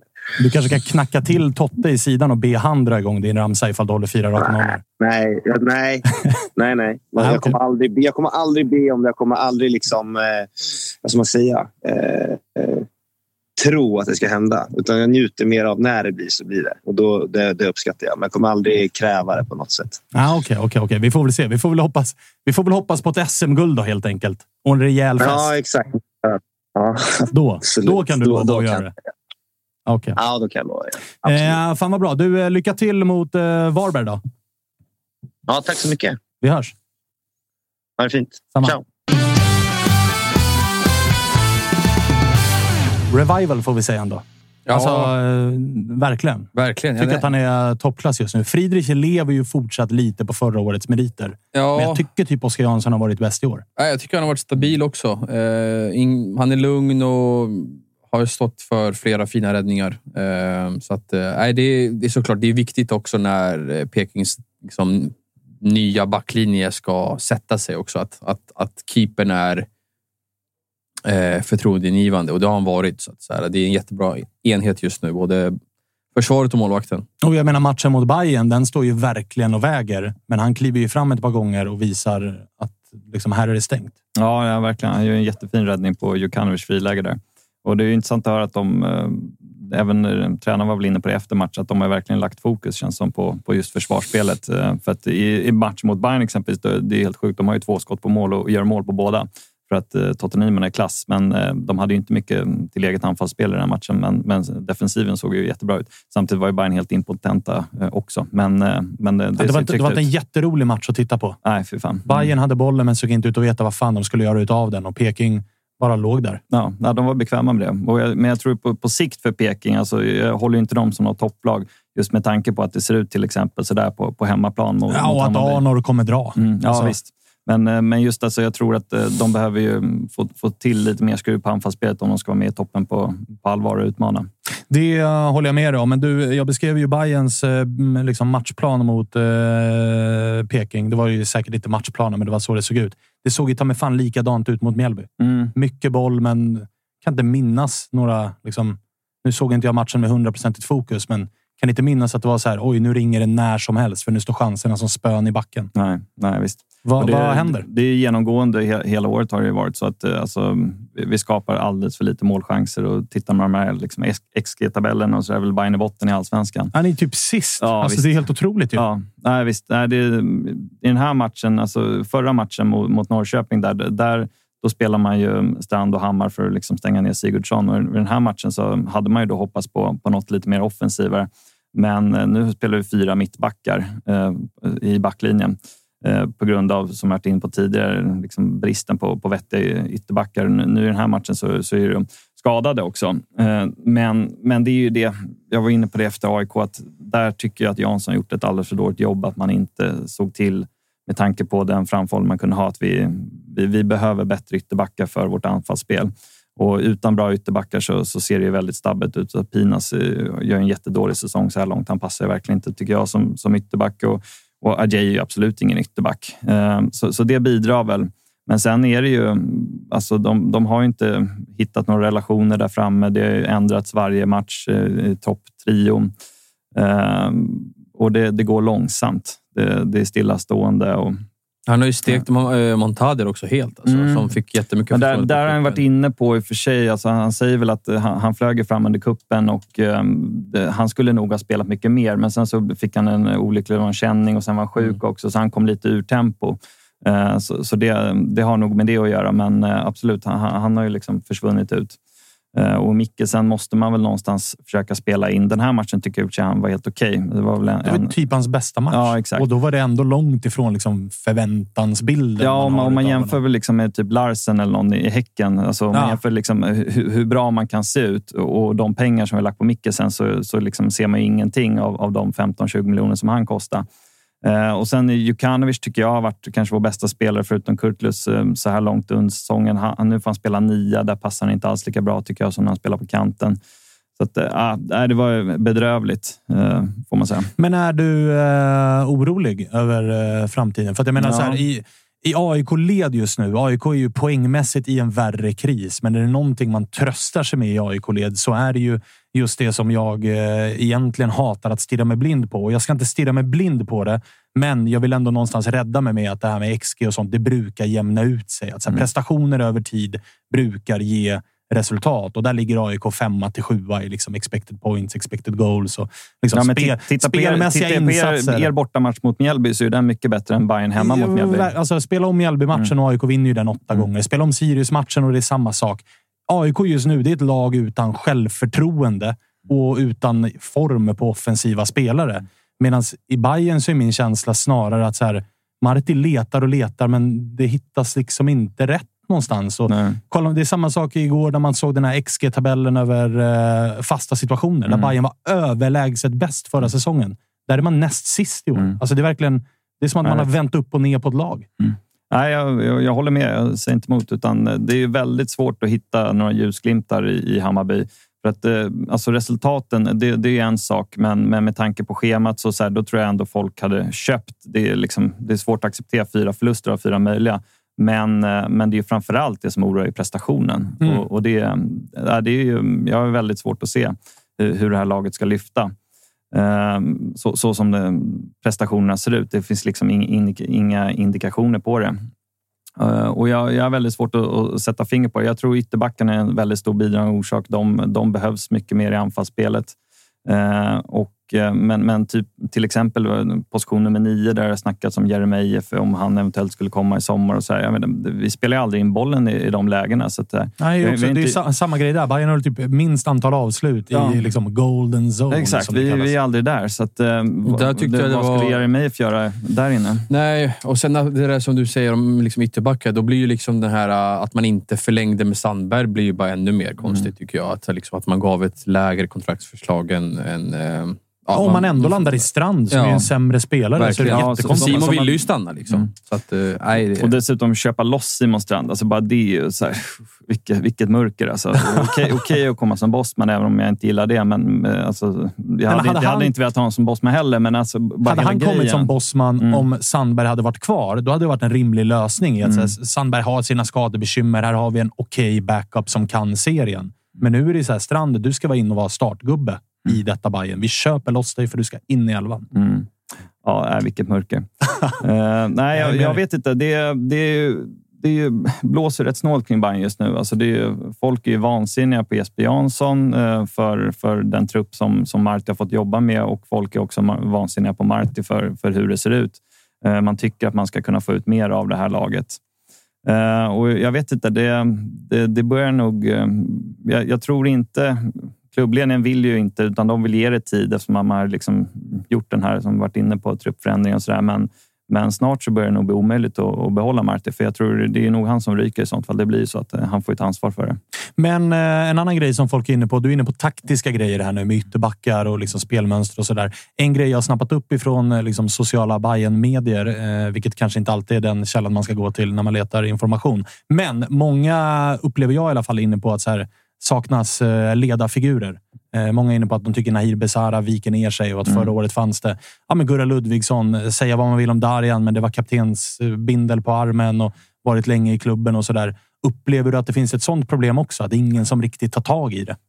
Ja, jag vet inte. Alltså, när, när allt ser skit ut, då är det klart man, man, man kan tycka att så här, varför tar inte någon tag i det? Men, men jag, jag tror inte det, det är där problemet ligger, att det saknas ledare. Jag tycker Kurtulus, även om han är ung, så, är- så är han en naturlig ledare med pondus.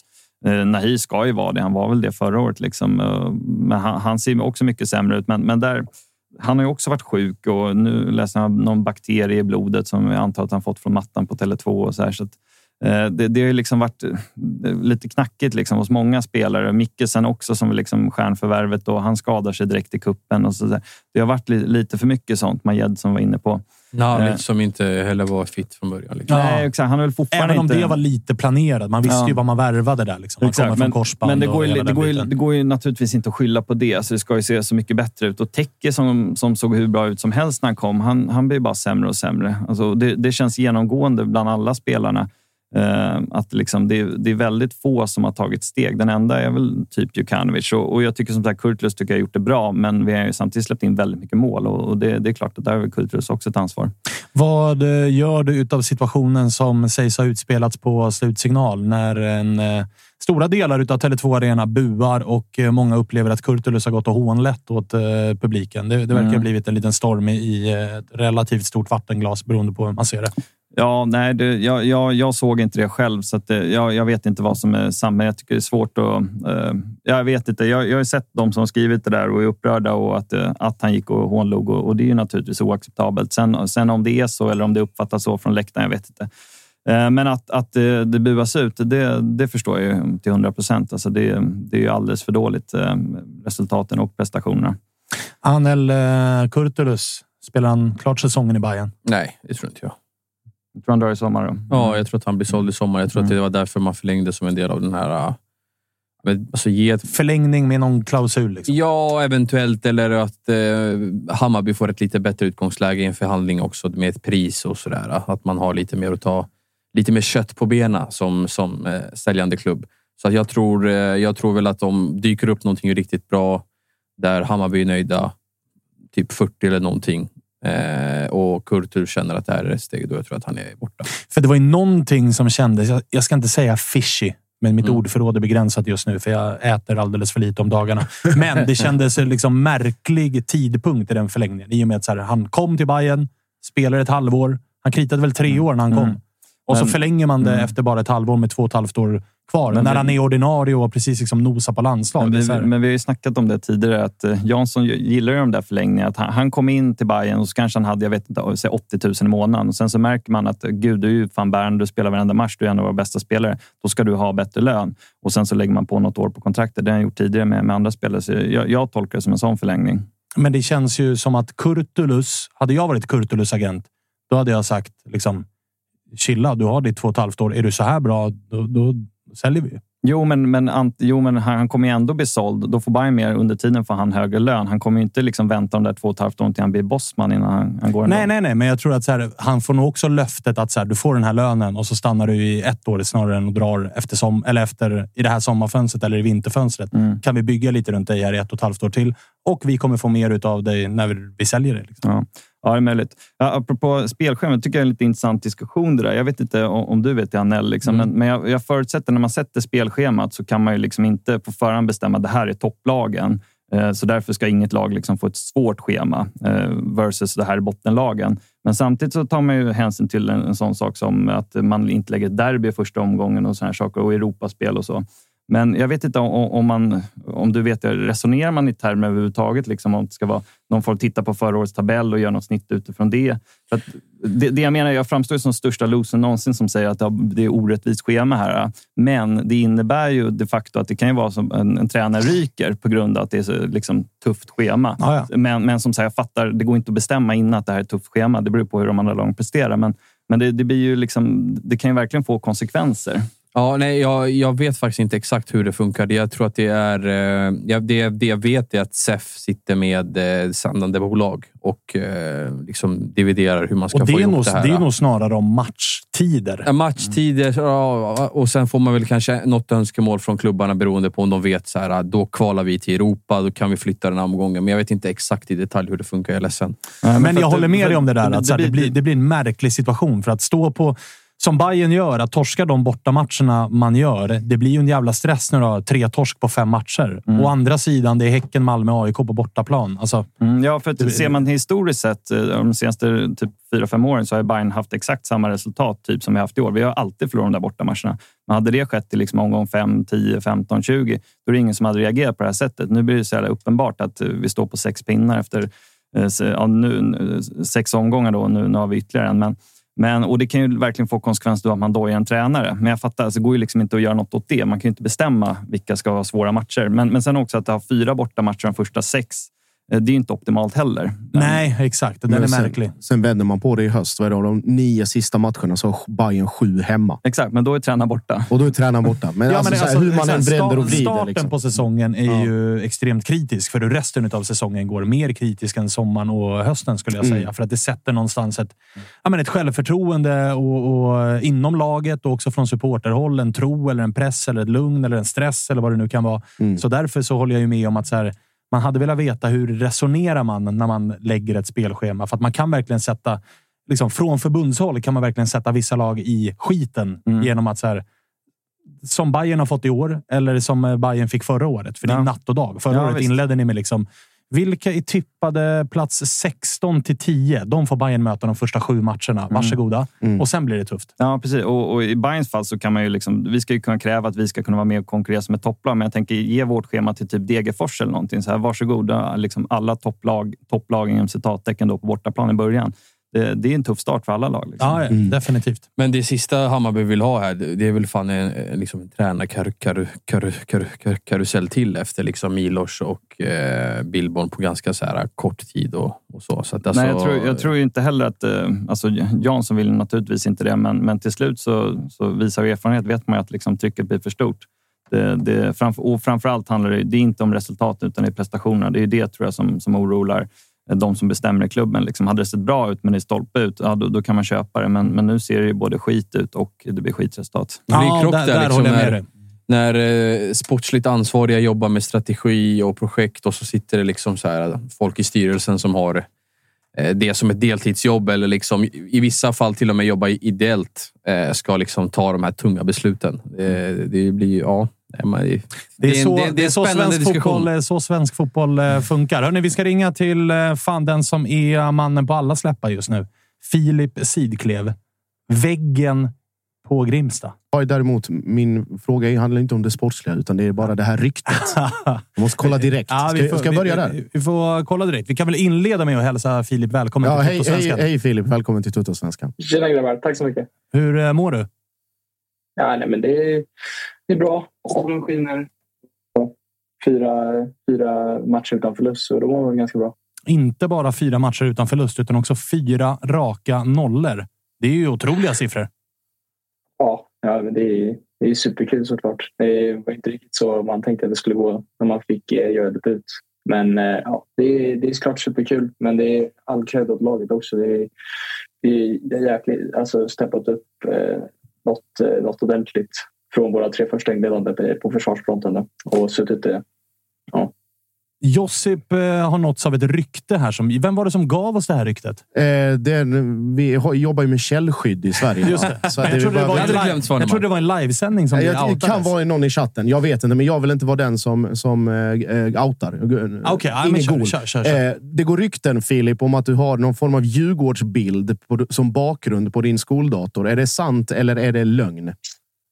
Nej, det här är, det här är, det här är lögn skulle jag säga. För, för tillfället är det i alla fall. Oj, för Oh, för tillfället! Jaha, men det, det betyder alltså välkommen till Djurgårdens IF, Filip. Nej, men kan Nej. Det, har du nåtts av eh, det här ryktet och därmed gått in och ändrat bakgrundsbild kanske?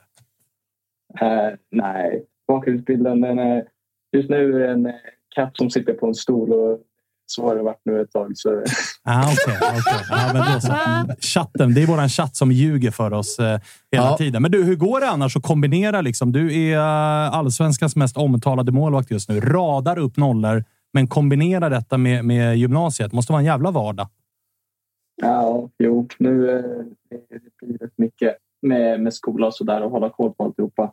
Det blir också att man, eh, nu när man tränar så mycket och sen som man får spela, då blir det ju mer kritiskt och då kan man inte missa, kan man inte missa träningarna för, eh, för ett prov eller något sånt där. Alltså då får man ju kombinera det och samtala med lärarna. Men eh, jag har många av mina lärare som sitter och kollar på mina matcher också. Så, så de, eh, har lite, de har lite koll på hur det går och har lite mer förståelse för det. Så.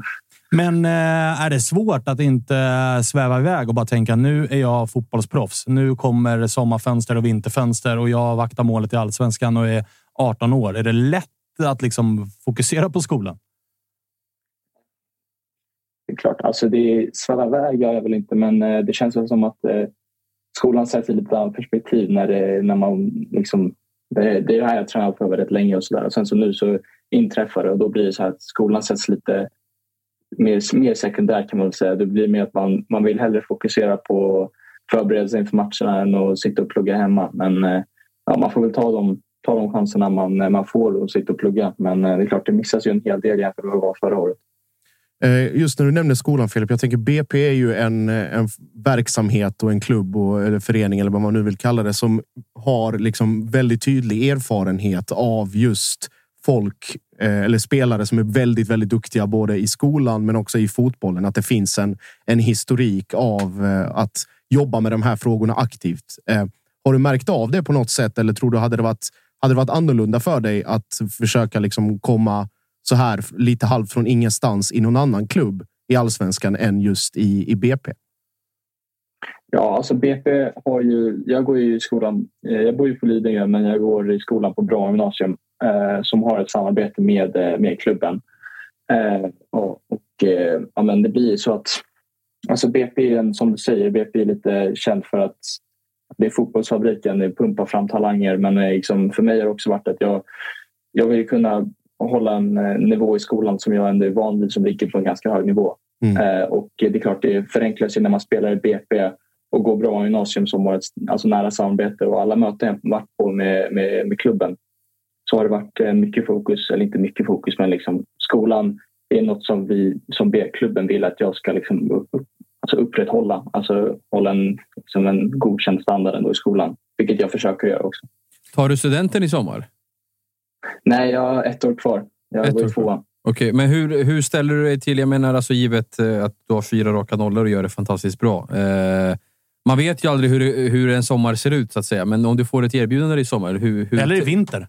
Ja, eller i vinter. Exakt, precis. Hur tänker du då? då? Nej, alltså just nu så vet jag inte. Alltså jag, om man sätter det i perspektiv så det är inte så många. Om man kollar på hur eh, målvaktssituationen ser ut ute i Europa så är det inte många 18-åringar som får chansen att spela i högsta ligan på seniornivå. Då är det, alltså, många klubbar väljer mer målvakter med erfarenhet. Så sett till det så finns det nog inget annat läge just nu i Europa, som jag, alltså Sverige eller Europa för den delen, som jag ser där jag kan få samma förutsättningar att utvecklas. Att vi kan få spela förhoppningsvis då kontinuerligt med ett allsvenskt lag eller på den liknande nivån. Så eh, just nu så jag vill jag bara fokusera på att samla på mig erfarenhet och utveckla så mycket som möjligt. Så det där, eh, det där tar jag lite mer sekundärt. Liksom. Fotbollen, eh, jag vill liksom kunna prestera så bra som möjligt på plan och det som kommer, det kommer. Hur tänker du annars då? För det är ju väldigt populärt nu för tiden att unga spelare redan från tidiga tonår liksom har en karriärsplanering i samband med föräldrar och rådgivare och så där. Du hade ju nyss tre stycken lagkamrater som eh, ingen av dem hade lämnat tonåren va? innan de valde att fortsätta sin karriär i samma stad, men i en annan klubb i Djurgården. Då pratar vi bröderna Bergvall och eh, Wilmer Odefalk. Finns det i din planering att ta nästa steg inom Sverige innan du går vidare ut i Europa? Eller hur tänker du kring, eller har du tänkt någonting kring, kring de frågorna? Eh, nej, egentligen inte. Alltså jag känner ju både Theo, Lukas och Wilmer ganska bra. Vi spelade tillsammans i några år Eh, och de är all, allihopa jätteduktiga fotbollsspelare. Eh, men eh, det, liksom, just nu så känner jag att det kommer tillbaka lite till det jag sa innan, det där med hur målvaktssituationen ser ut i Sverige. Så det är inte många målvakter som får chansen i min tidiga ålder. Och i, i de andra Stockholmsklubbarna, eller i Djurgården och i Bayern så finns det Dovino och, eh, och i Djurgården så finns det André som jag också känner väldigt bra och, och Jakob. Så eh, det är, liksom, det, är, det är inte brist på dåliga talanger, unga talanger i de andra klubbarna heller. Så eh, just nu så, ja, jag är väldigt nöjd med det jag är just nu och jag har inte riktigt tänkt på alltså något vidare så. Sen har du ju också en bra mentor i eh, Oskar Linnér som också slog igenom när han var ung men lämnade för utlandet och där kan man ju se också att karriären inte bara är en dans på rosor med tanke på hur det gick för honom ute i Europa. Hur mycket liksom lär du dig av eh, Oskar Linnér? Nej, men, eh, Oskar är en, han är en, han är en eh, grym kille. Jag har lärt känna honom ganska bra under de senaste månaderna. Han eh, drog på sig en skada den första veckan i januari eh, och då fick jag spela mycket under försäsongen. Och nu när eh, ja, chansen kom här mot Mjällby för några veckor sedan så pratade jag mycket med honom och han eh, sa liksom att det, nu, det blir enklare också eftersom att jag hade några matcher på nacken innan jag klev in där i allsvenska debuten. Men då pratade vi om att eh, alltså det, det, det är mycket liksom runt omkring och sådär och mer inför matcher och så. Men eh, när man väl kommer ut på planen så försöker man bara koppla bort det. Och jag tycker jag har gjort det ganska bra i att kunna koppla bort alltså allt runt omkring och själva själva grejen att spela allsvensk fotboll är kunnat koppla bort och bara fokusera på att eh, ja, det, är en, det är en match och jag har spelat tusen andra så det är bara att fortsätta så. Du, eh, även om du eh, resonerar väldigt klokt och redan nu, trots 18 år ung, redan låter som ett fotbollsproffs så måste det ju finnas drömmar där bakom också. Har vi någon drömliga eller något drömlag ute i Europa du, du gärna hade spelat i? Ja, det finns ju, det finns ju massor. Man har ju kollat på Premier League som man var liten och sådär, men det är någonting jag pratar ganska bra tyska. Min morfar bodde i Tyskland och jag pluggat tyska sedan fyran. Så jag hade hållit mig bättre i Bundesliga kanske. Snälla kom till Hertha Berlin mannen. Rädda det som räddas kan. Fy fan vilket kaos. Men det blir inte ens Zweite Bundesliga. De håller på att konka. Och ja, men, han ska ju ta studenten först. Sen kan vi ju skaffa... Ja, sen, sen ja, okay. De studsar tillbaka ja, och sen Hertha Berlin. Berlin toppstad att bo i också. Det är inte helt dumt. Ja, ja, ja verkligen. Men så de håller på åka ner nu till fjärde divisionen. Vad är det, vad är det som har skett där? Alltså? Ja, det är lite finansiella problem och lite annat stök, eh, stök och, och krök. Men eh, tänk inte på det. Det är fyra år kvar innan du, eh, innan du blir eh, aktuell för eh, vad heter det, eventuell Tysklands flytt till Hertha Berlin. Om ja. två år är du säkert aktuell för ja, fan, vad ska vi säga, topp top fem Bundesliga om det fortsätter i den här takten. Ja, ja, Hertha Berlin i fjärde divisionen. Det kan ju fan ja, gå till nästa vecka. Jag, jag, jag röstar för Kaiserslautern. De, är bra. De är fi, fin målvaktstradition med, med svenska målvakter med Ronny Hellström. Ja, den är inte dum. Den är inte helt dum. Du som eh, BP-spelare och eh, från eh, Stockholm, som vi hör att du är, så, så är det ju väldigt ovanligt att man har BP som klubben i sitt hjärta. Klubben man hejar på. Finns det ett supporterskap i Filip Sidklev i eh, något av lagen i, i Stockholm? Så jag, jag hade ju, jag, min gamla, när jag var yngre och spelade i IFK Lidingö så hade jag min eh, gamla tränare som var gammal Djurgårds-ikon, eh, ja, vad man ska kalla det, eh, Marcus Karlsson. Eh, och eh, där, därmed så blev det några Djurgårdsmatcher när man var yngre. Så det, om det är något klubblag i Stockholm, för, alltså utöver BP, då, alltså jag har inte så, varit så insatt yngre i att liksom heja på något speciellt lag, varken i Europa eller i Sverige. Men eh, ja, det är väl mest Djurgården jag associerat med när jag var yngre. Men nu är det full fart framåt på BP. Jag eh, trillar inte av stolen av förvåning. hörru. du är ju också eh, Lidingö-grabb, liksom, så det, det hör ju någonstans till att det är Djurgården som, som kanske är första prio där. Ja, det är väl en stereotyp skulle jag säga, men eh, jag köper det. Jag, är också nu, eller jag tänkte på det nu när du sa att du går i skolan i Bromma och pendlar från, pendlar från Lidingö. Hur trött är du på ropsten 1 till 10? Ja, du, den är gamla ropan. Alltså, den är, den har nog- den man åkt förbi några gånger nu. Men eh, jag skaffade körkort och fick bil när jag fyllde 18 för en månad sedan. Så Oj, är grattis! Fem, ja, tack. Nu är det fem år, fem år av eh, kommunaltrafik i slut nu för min del. Bättre för Sabovic då. Ja, vi hörde att Besard Sambovic kuggade ett körprov idag, men annars du har ju inte samma lyx som dina polare bröderna Bergvall som blir upphämtade av Mange Eriksson till och från skolan varje dag. Jävla kontrakt de har signat där borta.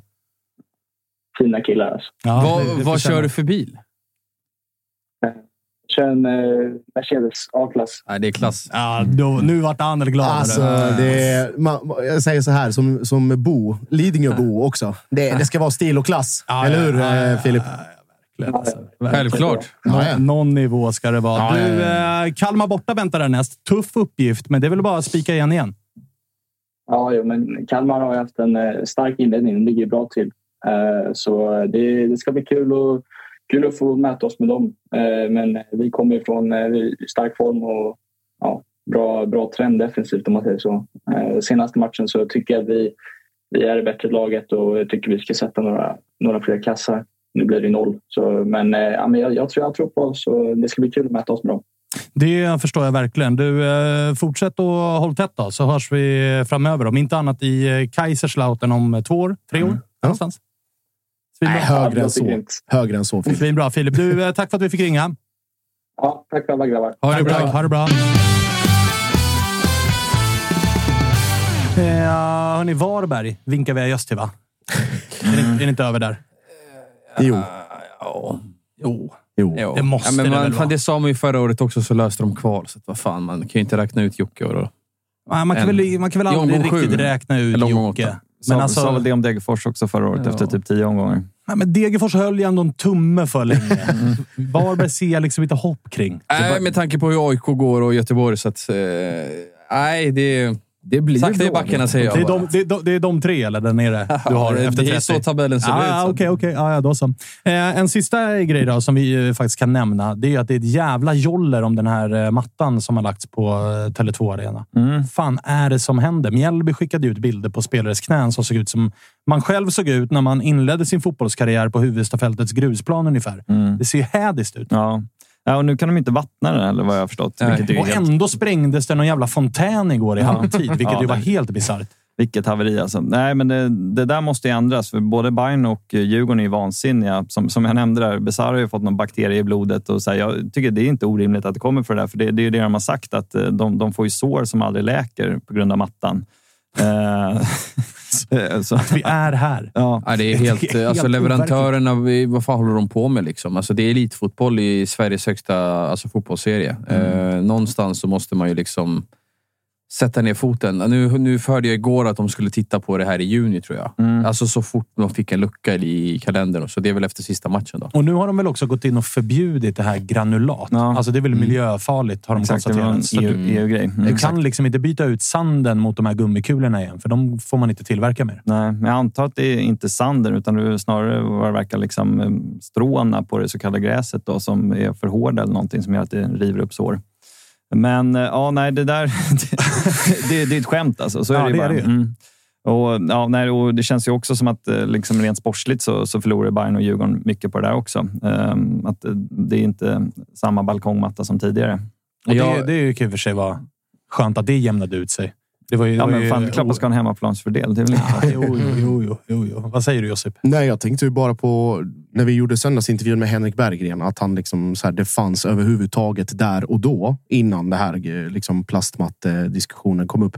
Att där och då fanns det ingen liksom, tillstymmelse till tanke på att göra någonting annat än att behålla det underlaget som finns. Samråd med arrangör framför allt, men och, eller med eh, arenaägare, men framför allt med tanke på kostnaden. Berggren sa väl rakt ut att det skulle 20 kosta miljoner per lag. 20 miljoner Alltså, delat per på, klubb. Ja, delat på, ja, men delat på Bayern Varje och år. år. Djurgården. Nej. Ifall man skulle ha... Ifall man skulle lägga gräs Natur, ja. Ja, Ja, det är exakt. ju lätt värt det. Ja, Men, ja, alltså det får väl förbundet om inte annat gå in och subventionera. Det stärker ju serien. jag vet, alltså så här, det, 40 millar på ett år. Värt. det är väldigt mycket pengar om man tänker liksom var, hur mycket det tar av ens liksom budget och alla de här ekonomiska delarna och så där. Men det är också så, det, det väcker ju en annan typ av diskussion som vi har ju vi pratat om det innan. Holland och den här gräsfonden till exempel. Och sen- Lös en sån. Lös en sån. Vi kan sitta och säga lös en sån. Det är liksom, Kalle hittade ett skämt med Holland Holland, och och gräsfond, gräsfond. kom igen. Ja, såklart. Men vad är- Skräll att Kalle vaknar. men, vad jag skulle säga var så här. Där är det fortfarande. Jag tror att det här och de skriverierna och den faktiska liksom kvaliteten, om man nu vill kalla det det, sätter ju en helt annan press på eh, vad är det, Stockholm Live som, som äger. Ja. Nej, ja. staden. Live, eh, de eh, Live, eh, driftar den. Ja, driften. Eller, men, alltså arenaägarna på ett helt annat sätt än vad som har varit fallet tidigare. Och sen om det skulle innebära, alltså vad det innebär på sikt, det vet jag inte. Men jag tror att det här ställs i en helt annan dager om det inte hade varit så jävla mycket diskussion som Nej, det det är nu jämfört med innan. Det är svårsmält att huvudstaden har eh, Sveriges sämsta förutsättningar. Någonstans. Ja, det är det. Alltså för att, så här, det, är under all, det är under all kritik. Det är inte Norrland. Det är, liksom, alltså, det är Stockholm vi pratar om. Det, Det är ska 2023 vi är ja, inne Det ska i. vara löst. Liksom. Det, ska, det här ska inte ens vara en fråga på bordet. Nej, jag tycker, Eh, och, och det, är, det, är, inte- det är inte klubbarnas fel heller. Nej, och så här, med tanke på hur mycket pengar som finns i fotbollen, i liksom från Ja. förbundshåll och allt möjligt. Om det finns en lösning som kostar 40 miljoner per år, tycker jag att man får se till att liksom, på något sätt gå ihop och lösa problemet. Mm. För att, så här, det man har hört för fem år sedan när man diskuterade det här med djurgårdare och Hammarbyare var ju så här. Det går inte. Alltså, vi kan inte ha naturgräs på den här arenan. jag var, jag, det jag var går ju på, uppenbarligen. på Kaknäs igår för, för en intervju och då var det liksom så här, halva laget går ju runt med plåster. Liksom. Alltså så här, de tränar inte. De, de, de var på gymmet, men det är liksom halva laget har vita plåster på sina kroppar. Eh, man kan fan tro att de har varit ute liksom i, ja, men alltså på ett jävla slagfält och slåss. Liksom. Alltså det är så det ser ut. Och det, är liksom, det går ju inte. Nej, nej, nej. Det är inte hållbart alltså. Det är inte hållbart för någon. Vad eh, Tror vi att det här löser sig? Eller? Eh, Ja, alltså det, ja det, det måste ju lösa sig. Det kommer väl bli ett, eh, ett mattbyte, det är jag övertygad om, till, i vart fall till sommaren. För, för som situationen är nu är det ohållbart. Men däremot tror jag inte det kommer bli gräs tyvärr. Nej, det, det tror jag inte heller. För att alla är ju snåla. Mm. Ingen, ingen vill pröjsa för. Malmö kan väl pröjsa för som, Ja, verkligen. som, som klagar så mycket och har så mycket pengar på banken. Lö- Gå in i. Här har ni chansen att visa storkuks move och säga Mm. vad ska ni ha? Mm. Sen kommer Stockholm Live och säger de vi ska faktiskt lägga eh, plywood här för att nu kommer... eh, Nu blir det Men det är ju inräknat att så här, hur många gånger behöver den bytas? Ja, ni, Alltså- ni, men perfekt. Vi kommer med pengarna och ni kommer med erfarenheten av att rulla ut nya Exakt, gräsmattor. Exakt, Eller exakt. med tanke på hur den... Nej. Ni kommer som den Saudi-klubb ni är liksom och bara viftar med en plånbok. på. Saudi-klubben Malmö FF. Ja, Ja. European Nights och allt vad fan ni pysslar med i den här jävla moderna fotbollen. Ja. Men alltså, hur kan, det, hur, hur kan vi ha så långt bort till att ha en hybridmatta då? Ja, det är också. Det är helt overkligt. Alltså, helt för overkligt. Gamla Ullevi har väl hybrid, va? Ja, Mm. den har hybrid. Men sen är väl problemet också att Bayern och Djurgården lirar. Det är lite kul. Malmö, Malmö som klagar så mycket på, på gräset och, och så där vidare. De låter inte ens damerna lira på stadion på grund av att man kan inte vara två lag, som- elitlag som spelar på samma matta. Jag vet inte om det är förklaringen, men det, Ja, det är ju de det man, spelar... det, Malmö har ju sagt Ja, det. Att ja, så här, vi så. kan, damerna kan inte lira här för att det är två elitlag kan inte spela på samma arena. Så får Malmö betala en ny arena i Stockholm också till Djurgården så kan de flytta till Östermalm. Malmö, Ja, men ni det- sitter jag på tror- lösningen. Ja, men jag tror Lös att det det, är lite liksom naivt att säga att så här, ja, men det handlar bara om pengar. För det, det finns sådana problem också. Att, eh, ja, då, då ska man byta mattan me- mellan varje omgång då, för att det ska hålla. Det, det är mer komplicerat än man tror, tror jag. Ja, det, Ja, det, det, det, är är klart, 100%. det är klart att det är det, men den lösningen vi har landat i nu, den håller ju inte. Nej, absolut. låt oss vara, Mm. låt oss vara Och, och, och tydliga med vi det. är överens med att alla vill ha gräs. Liksom. Det, är- det är Ja, ingen alltså, det, det, förutsätter jag. det förutsätter jag verkligen. Eh, eh, Bajen-såret är öppet, Mm. eh, så jag passar på att strö lite till. Under 20 000. Ja. Typ samma dygn som det kommer ut eh, Fotboll Stockholm-granskningar om att det minsann från Tele2-håll har fifflats med publiksiffror i x antal år. Mm. Det var ju ingen slump. Ja, det, var det väl i och för sig. eh, I och för sig för att eh, med tanke på, på hur sportsliga resultaten ser ut och stämning kring Men ni klubben. har ju haft inte sämre sportsliga resultat och stämning kring klubben än så. Absolut, det har vi haft. eh, Men nej, um, eh, publiken börjar svika och det, man känner väl någonstans att eh, det är väl den här säsongen så har man, liksom, har man krävt från supportrollen nu, nu ska vi vara ett topplag på riktigt. Liksom. Eh, men, men det märks att det, det, det bubblar bland supporterna. Sen den där granskningen, det, det är jag väl inte så mycket för. Jag, jag vet av egen erfarenhet att när det är mycket tryck på Tele2 och mycket folk, då, om man har säsongskort eh, som jag har i plastformat, då, då, då bara viftar de förbi en. Liksom. Så att det där blippsystemet, det, det funkar väl sådär. Utan det är höftningar som, som Rickman var inne på, och även som som biljettansvarig från Djurgården sa. Och så här. så det, det är ingen exakt vetenskap det här med att det är liksom 22 352. Det, det stämmer ju liksom inte, utan det, det är någon form av eh, eh, överslagsberäkning. Undra eh, vem som tar det slutgiltiga. Alltså Ja. bestämmer att det är 3-5-2 och inte 4-7-8. Ja, nej, visst. Nej, men det verkar vara eh, som sagt eh, eh, rätt godtyckligt det där. Och, och sen bland AIK så var det väl att eh, AIK rapporterar till polisen och sen så rapporterar polisen samma siffra, och, vilket är inte så Och förvånande. ändå diffade det på 39 personer per år, vilket är helt sjukt. Ju. Vem har fan diffat dem? Ja. Det är, liksom, Nej, men- två per omgång. Mm. Två fel. Men, men ska man vara lite seriös så är det första gången Bayern under 20 000 på... Det hade vi inte på hela försäsongen, så att, eh, det, det, det börjar bubblas. Det missnöjet är stort. Trist för er. Skönt, säger jag, att det är fler som har, som har det piss. Eh, eller hur, Josip? Jag kan inte relatera. Jo, det kan du. Efter förra året, Ska jag ja. påminna dig om 2022 en gång? Det är jättelugnt. Ah, okay. Jag fick äta skit i nästan nio månader. Ja, det fick du. Med all Eh, rätt. Men, ja, Med all ja, rätt. ja, jag blir sjua, men nu är det andra Ah, bullen. ja. Stort grattis till den sjunde platsen. Jaha, Får vi stort grattis till att ligga näst sist. Ball. Ja, men vi ska spela 30 omgångar, Josip. Alltså. Lugna dig. Lugna dig. Vi ska spela 30 omgångar.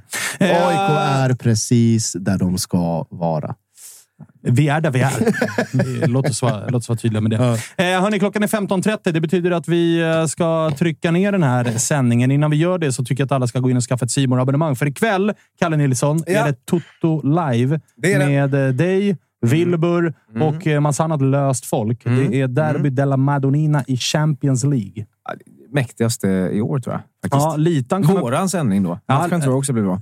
Han kommer inte prata så mycket om eh, Italien och upplevelser från det landet. Kan inte Den tänka mig. Det tog, Thomas eh, alltså, jag klockade honom igår. Det tog åtta sekunder från det att han klev in i studion till att vi hamnade i Italien. Ja, det är, Så, det är så det brukar bli. Så Ja, att, eh, med tanke på att det är Milan och Inter som möts i Ja. Champions League så lär det bli mycket Italien-snack Mm. i Toto Live ikväll. Man Chicken. ser matchen med Mm. sitt eh, simor abonnemang Så det tycker jag att man ska lösa. Man ser också Allsvenskan och Superettan. Mm. Discovery Plus-sändningar med sitt eh, simor abonnemang Så in och fixa ett sånt. Och sen har Josip en sista liten nugget att bjuda på. Det har vi när vi ändå är inne på allsvenskan. Eh, Vi var ju ett Bayern-mål ifrån igår med eh, Toto-trippen. Eh, Men eh, man ska inte vara orolig. Den kommer komma tillbaka. Det kommer komma ett nytt upplägg av maestro Marcus Tapper här framåt eh, veckoslutet.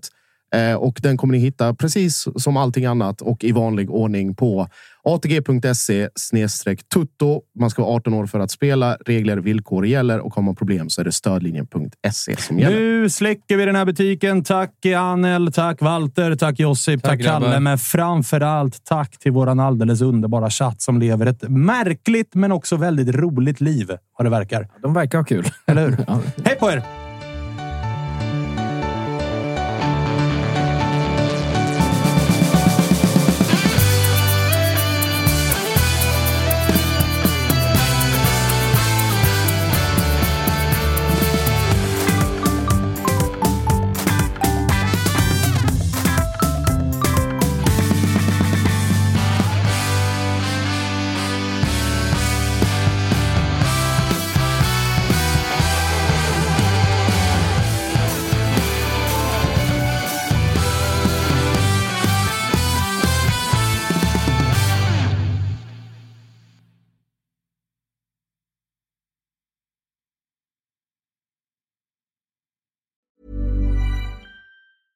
Mom deserves the best, and there's no better place to shop for Mother's Day than Whole Foods Market. They're your destination for unbeatable savings, from premium gifts to show-stopping flowers and irresistible desserts. Start by saving 33% with Prime on all body care and candles. Then get a 15-stem bunch of tulips for just $9.99 each with Prime. Round out Mom's menu with festive rosé, irresistible berry chantilly cake, and more special treats. Come celebrate Mother's Day at Whole Foods Market. Planning for your next trip? Elevate your travel style with Quince. Quince has all the jet setting essentials you'll want for your next getaway, like European linen, premium luggage options, buttery soft Italian leather bags, and so much more. And it's all priced at 50 to 80% less than similar brands. Plus, Quince only works with factories that use safe and ethical manufacturing practices. Pack your bags with high-quality essentials you'll be wearing for vacations to come with Quince. Go to quince.com slash trip for free shipping and 365-day returns. Mom deserves the best, and there's no better place to shop for Mother's Day than Whole Foods Market. They're your destination for unbeatable savings, from premium gifts to show-stopping flowers and irresistible desserts. Start by saving 33% with Prime on all body care and candles. Then get a 15-stem bunch of tulips for just $9.99 each with Prime. Round out Mom's menu with festive rosé, irresistible berry chantilly cake, and more special treats. Come celebrate Mother's Day at Whole Foods Market.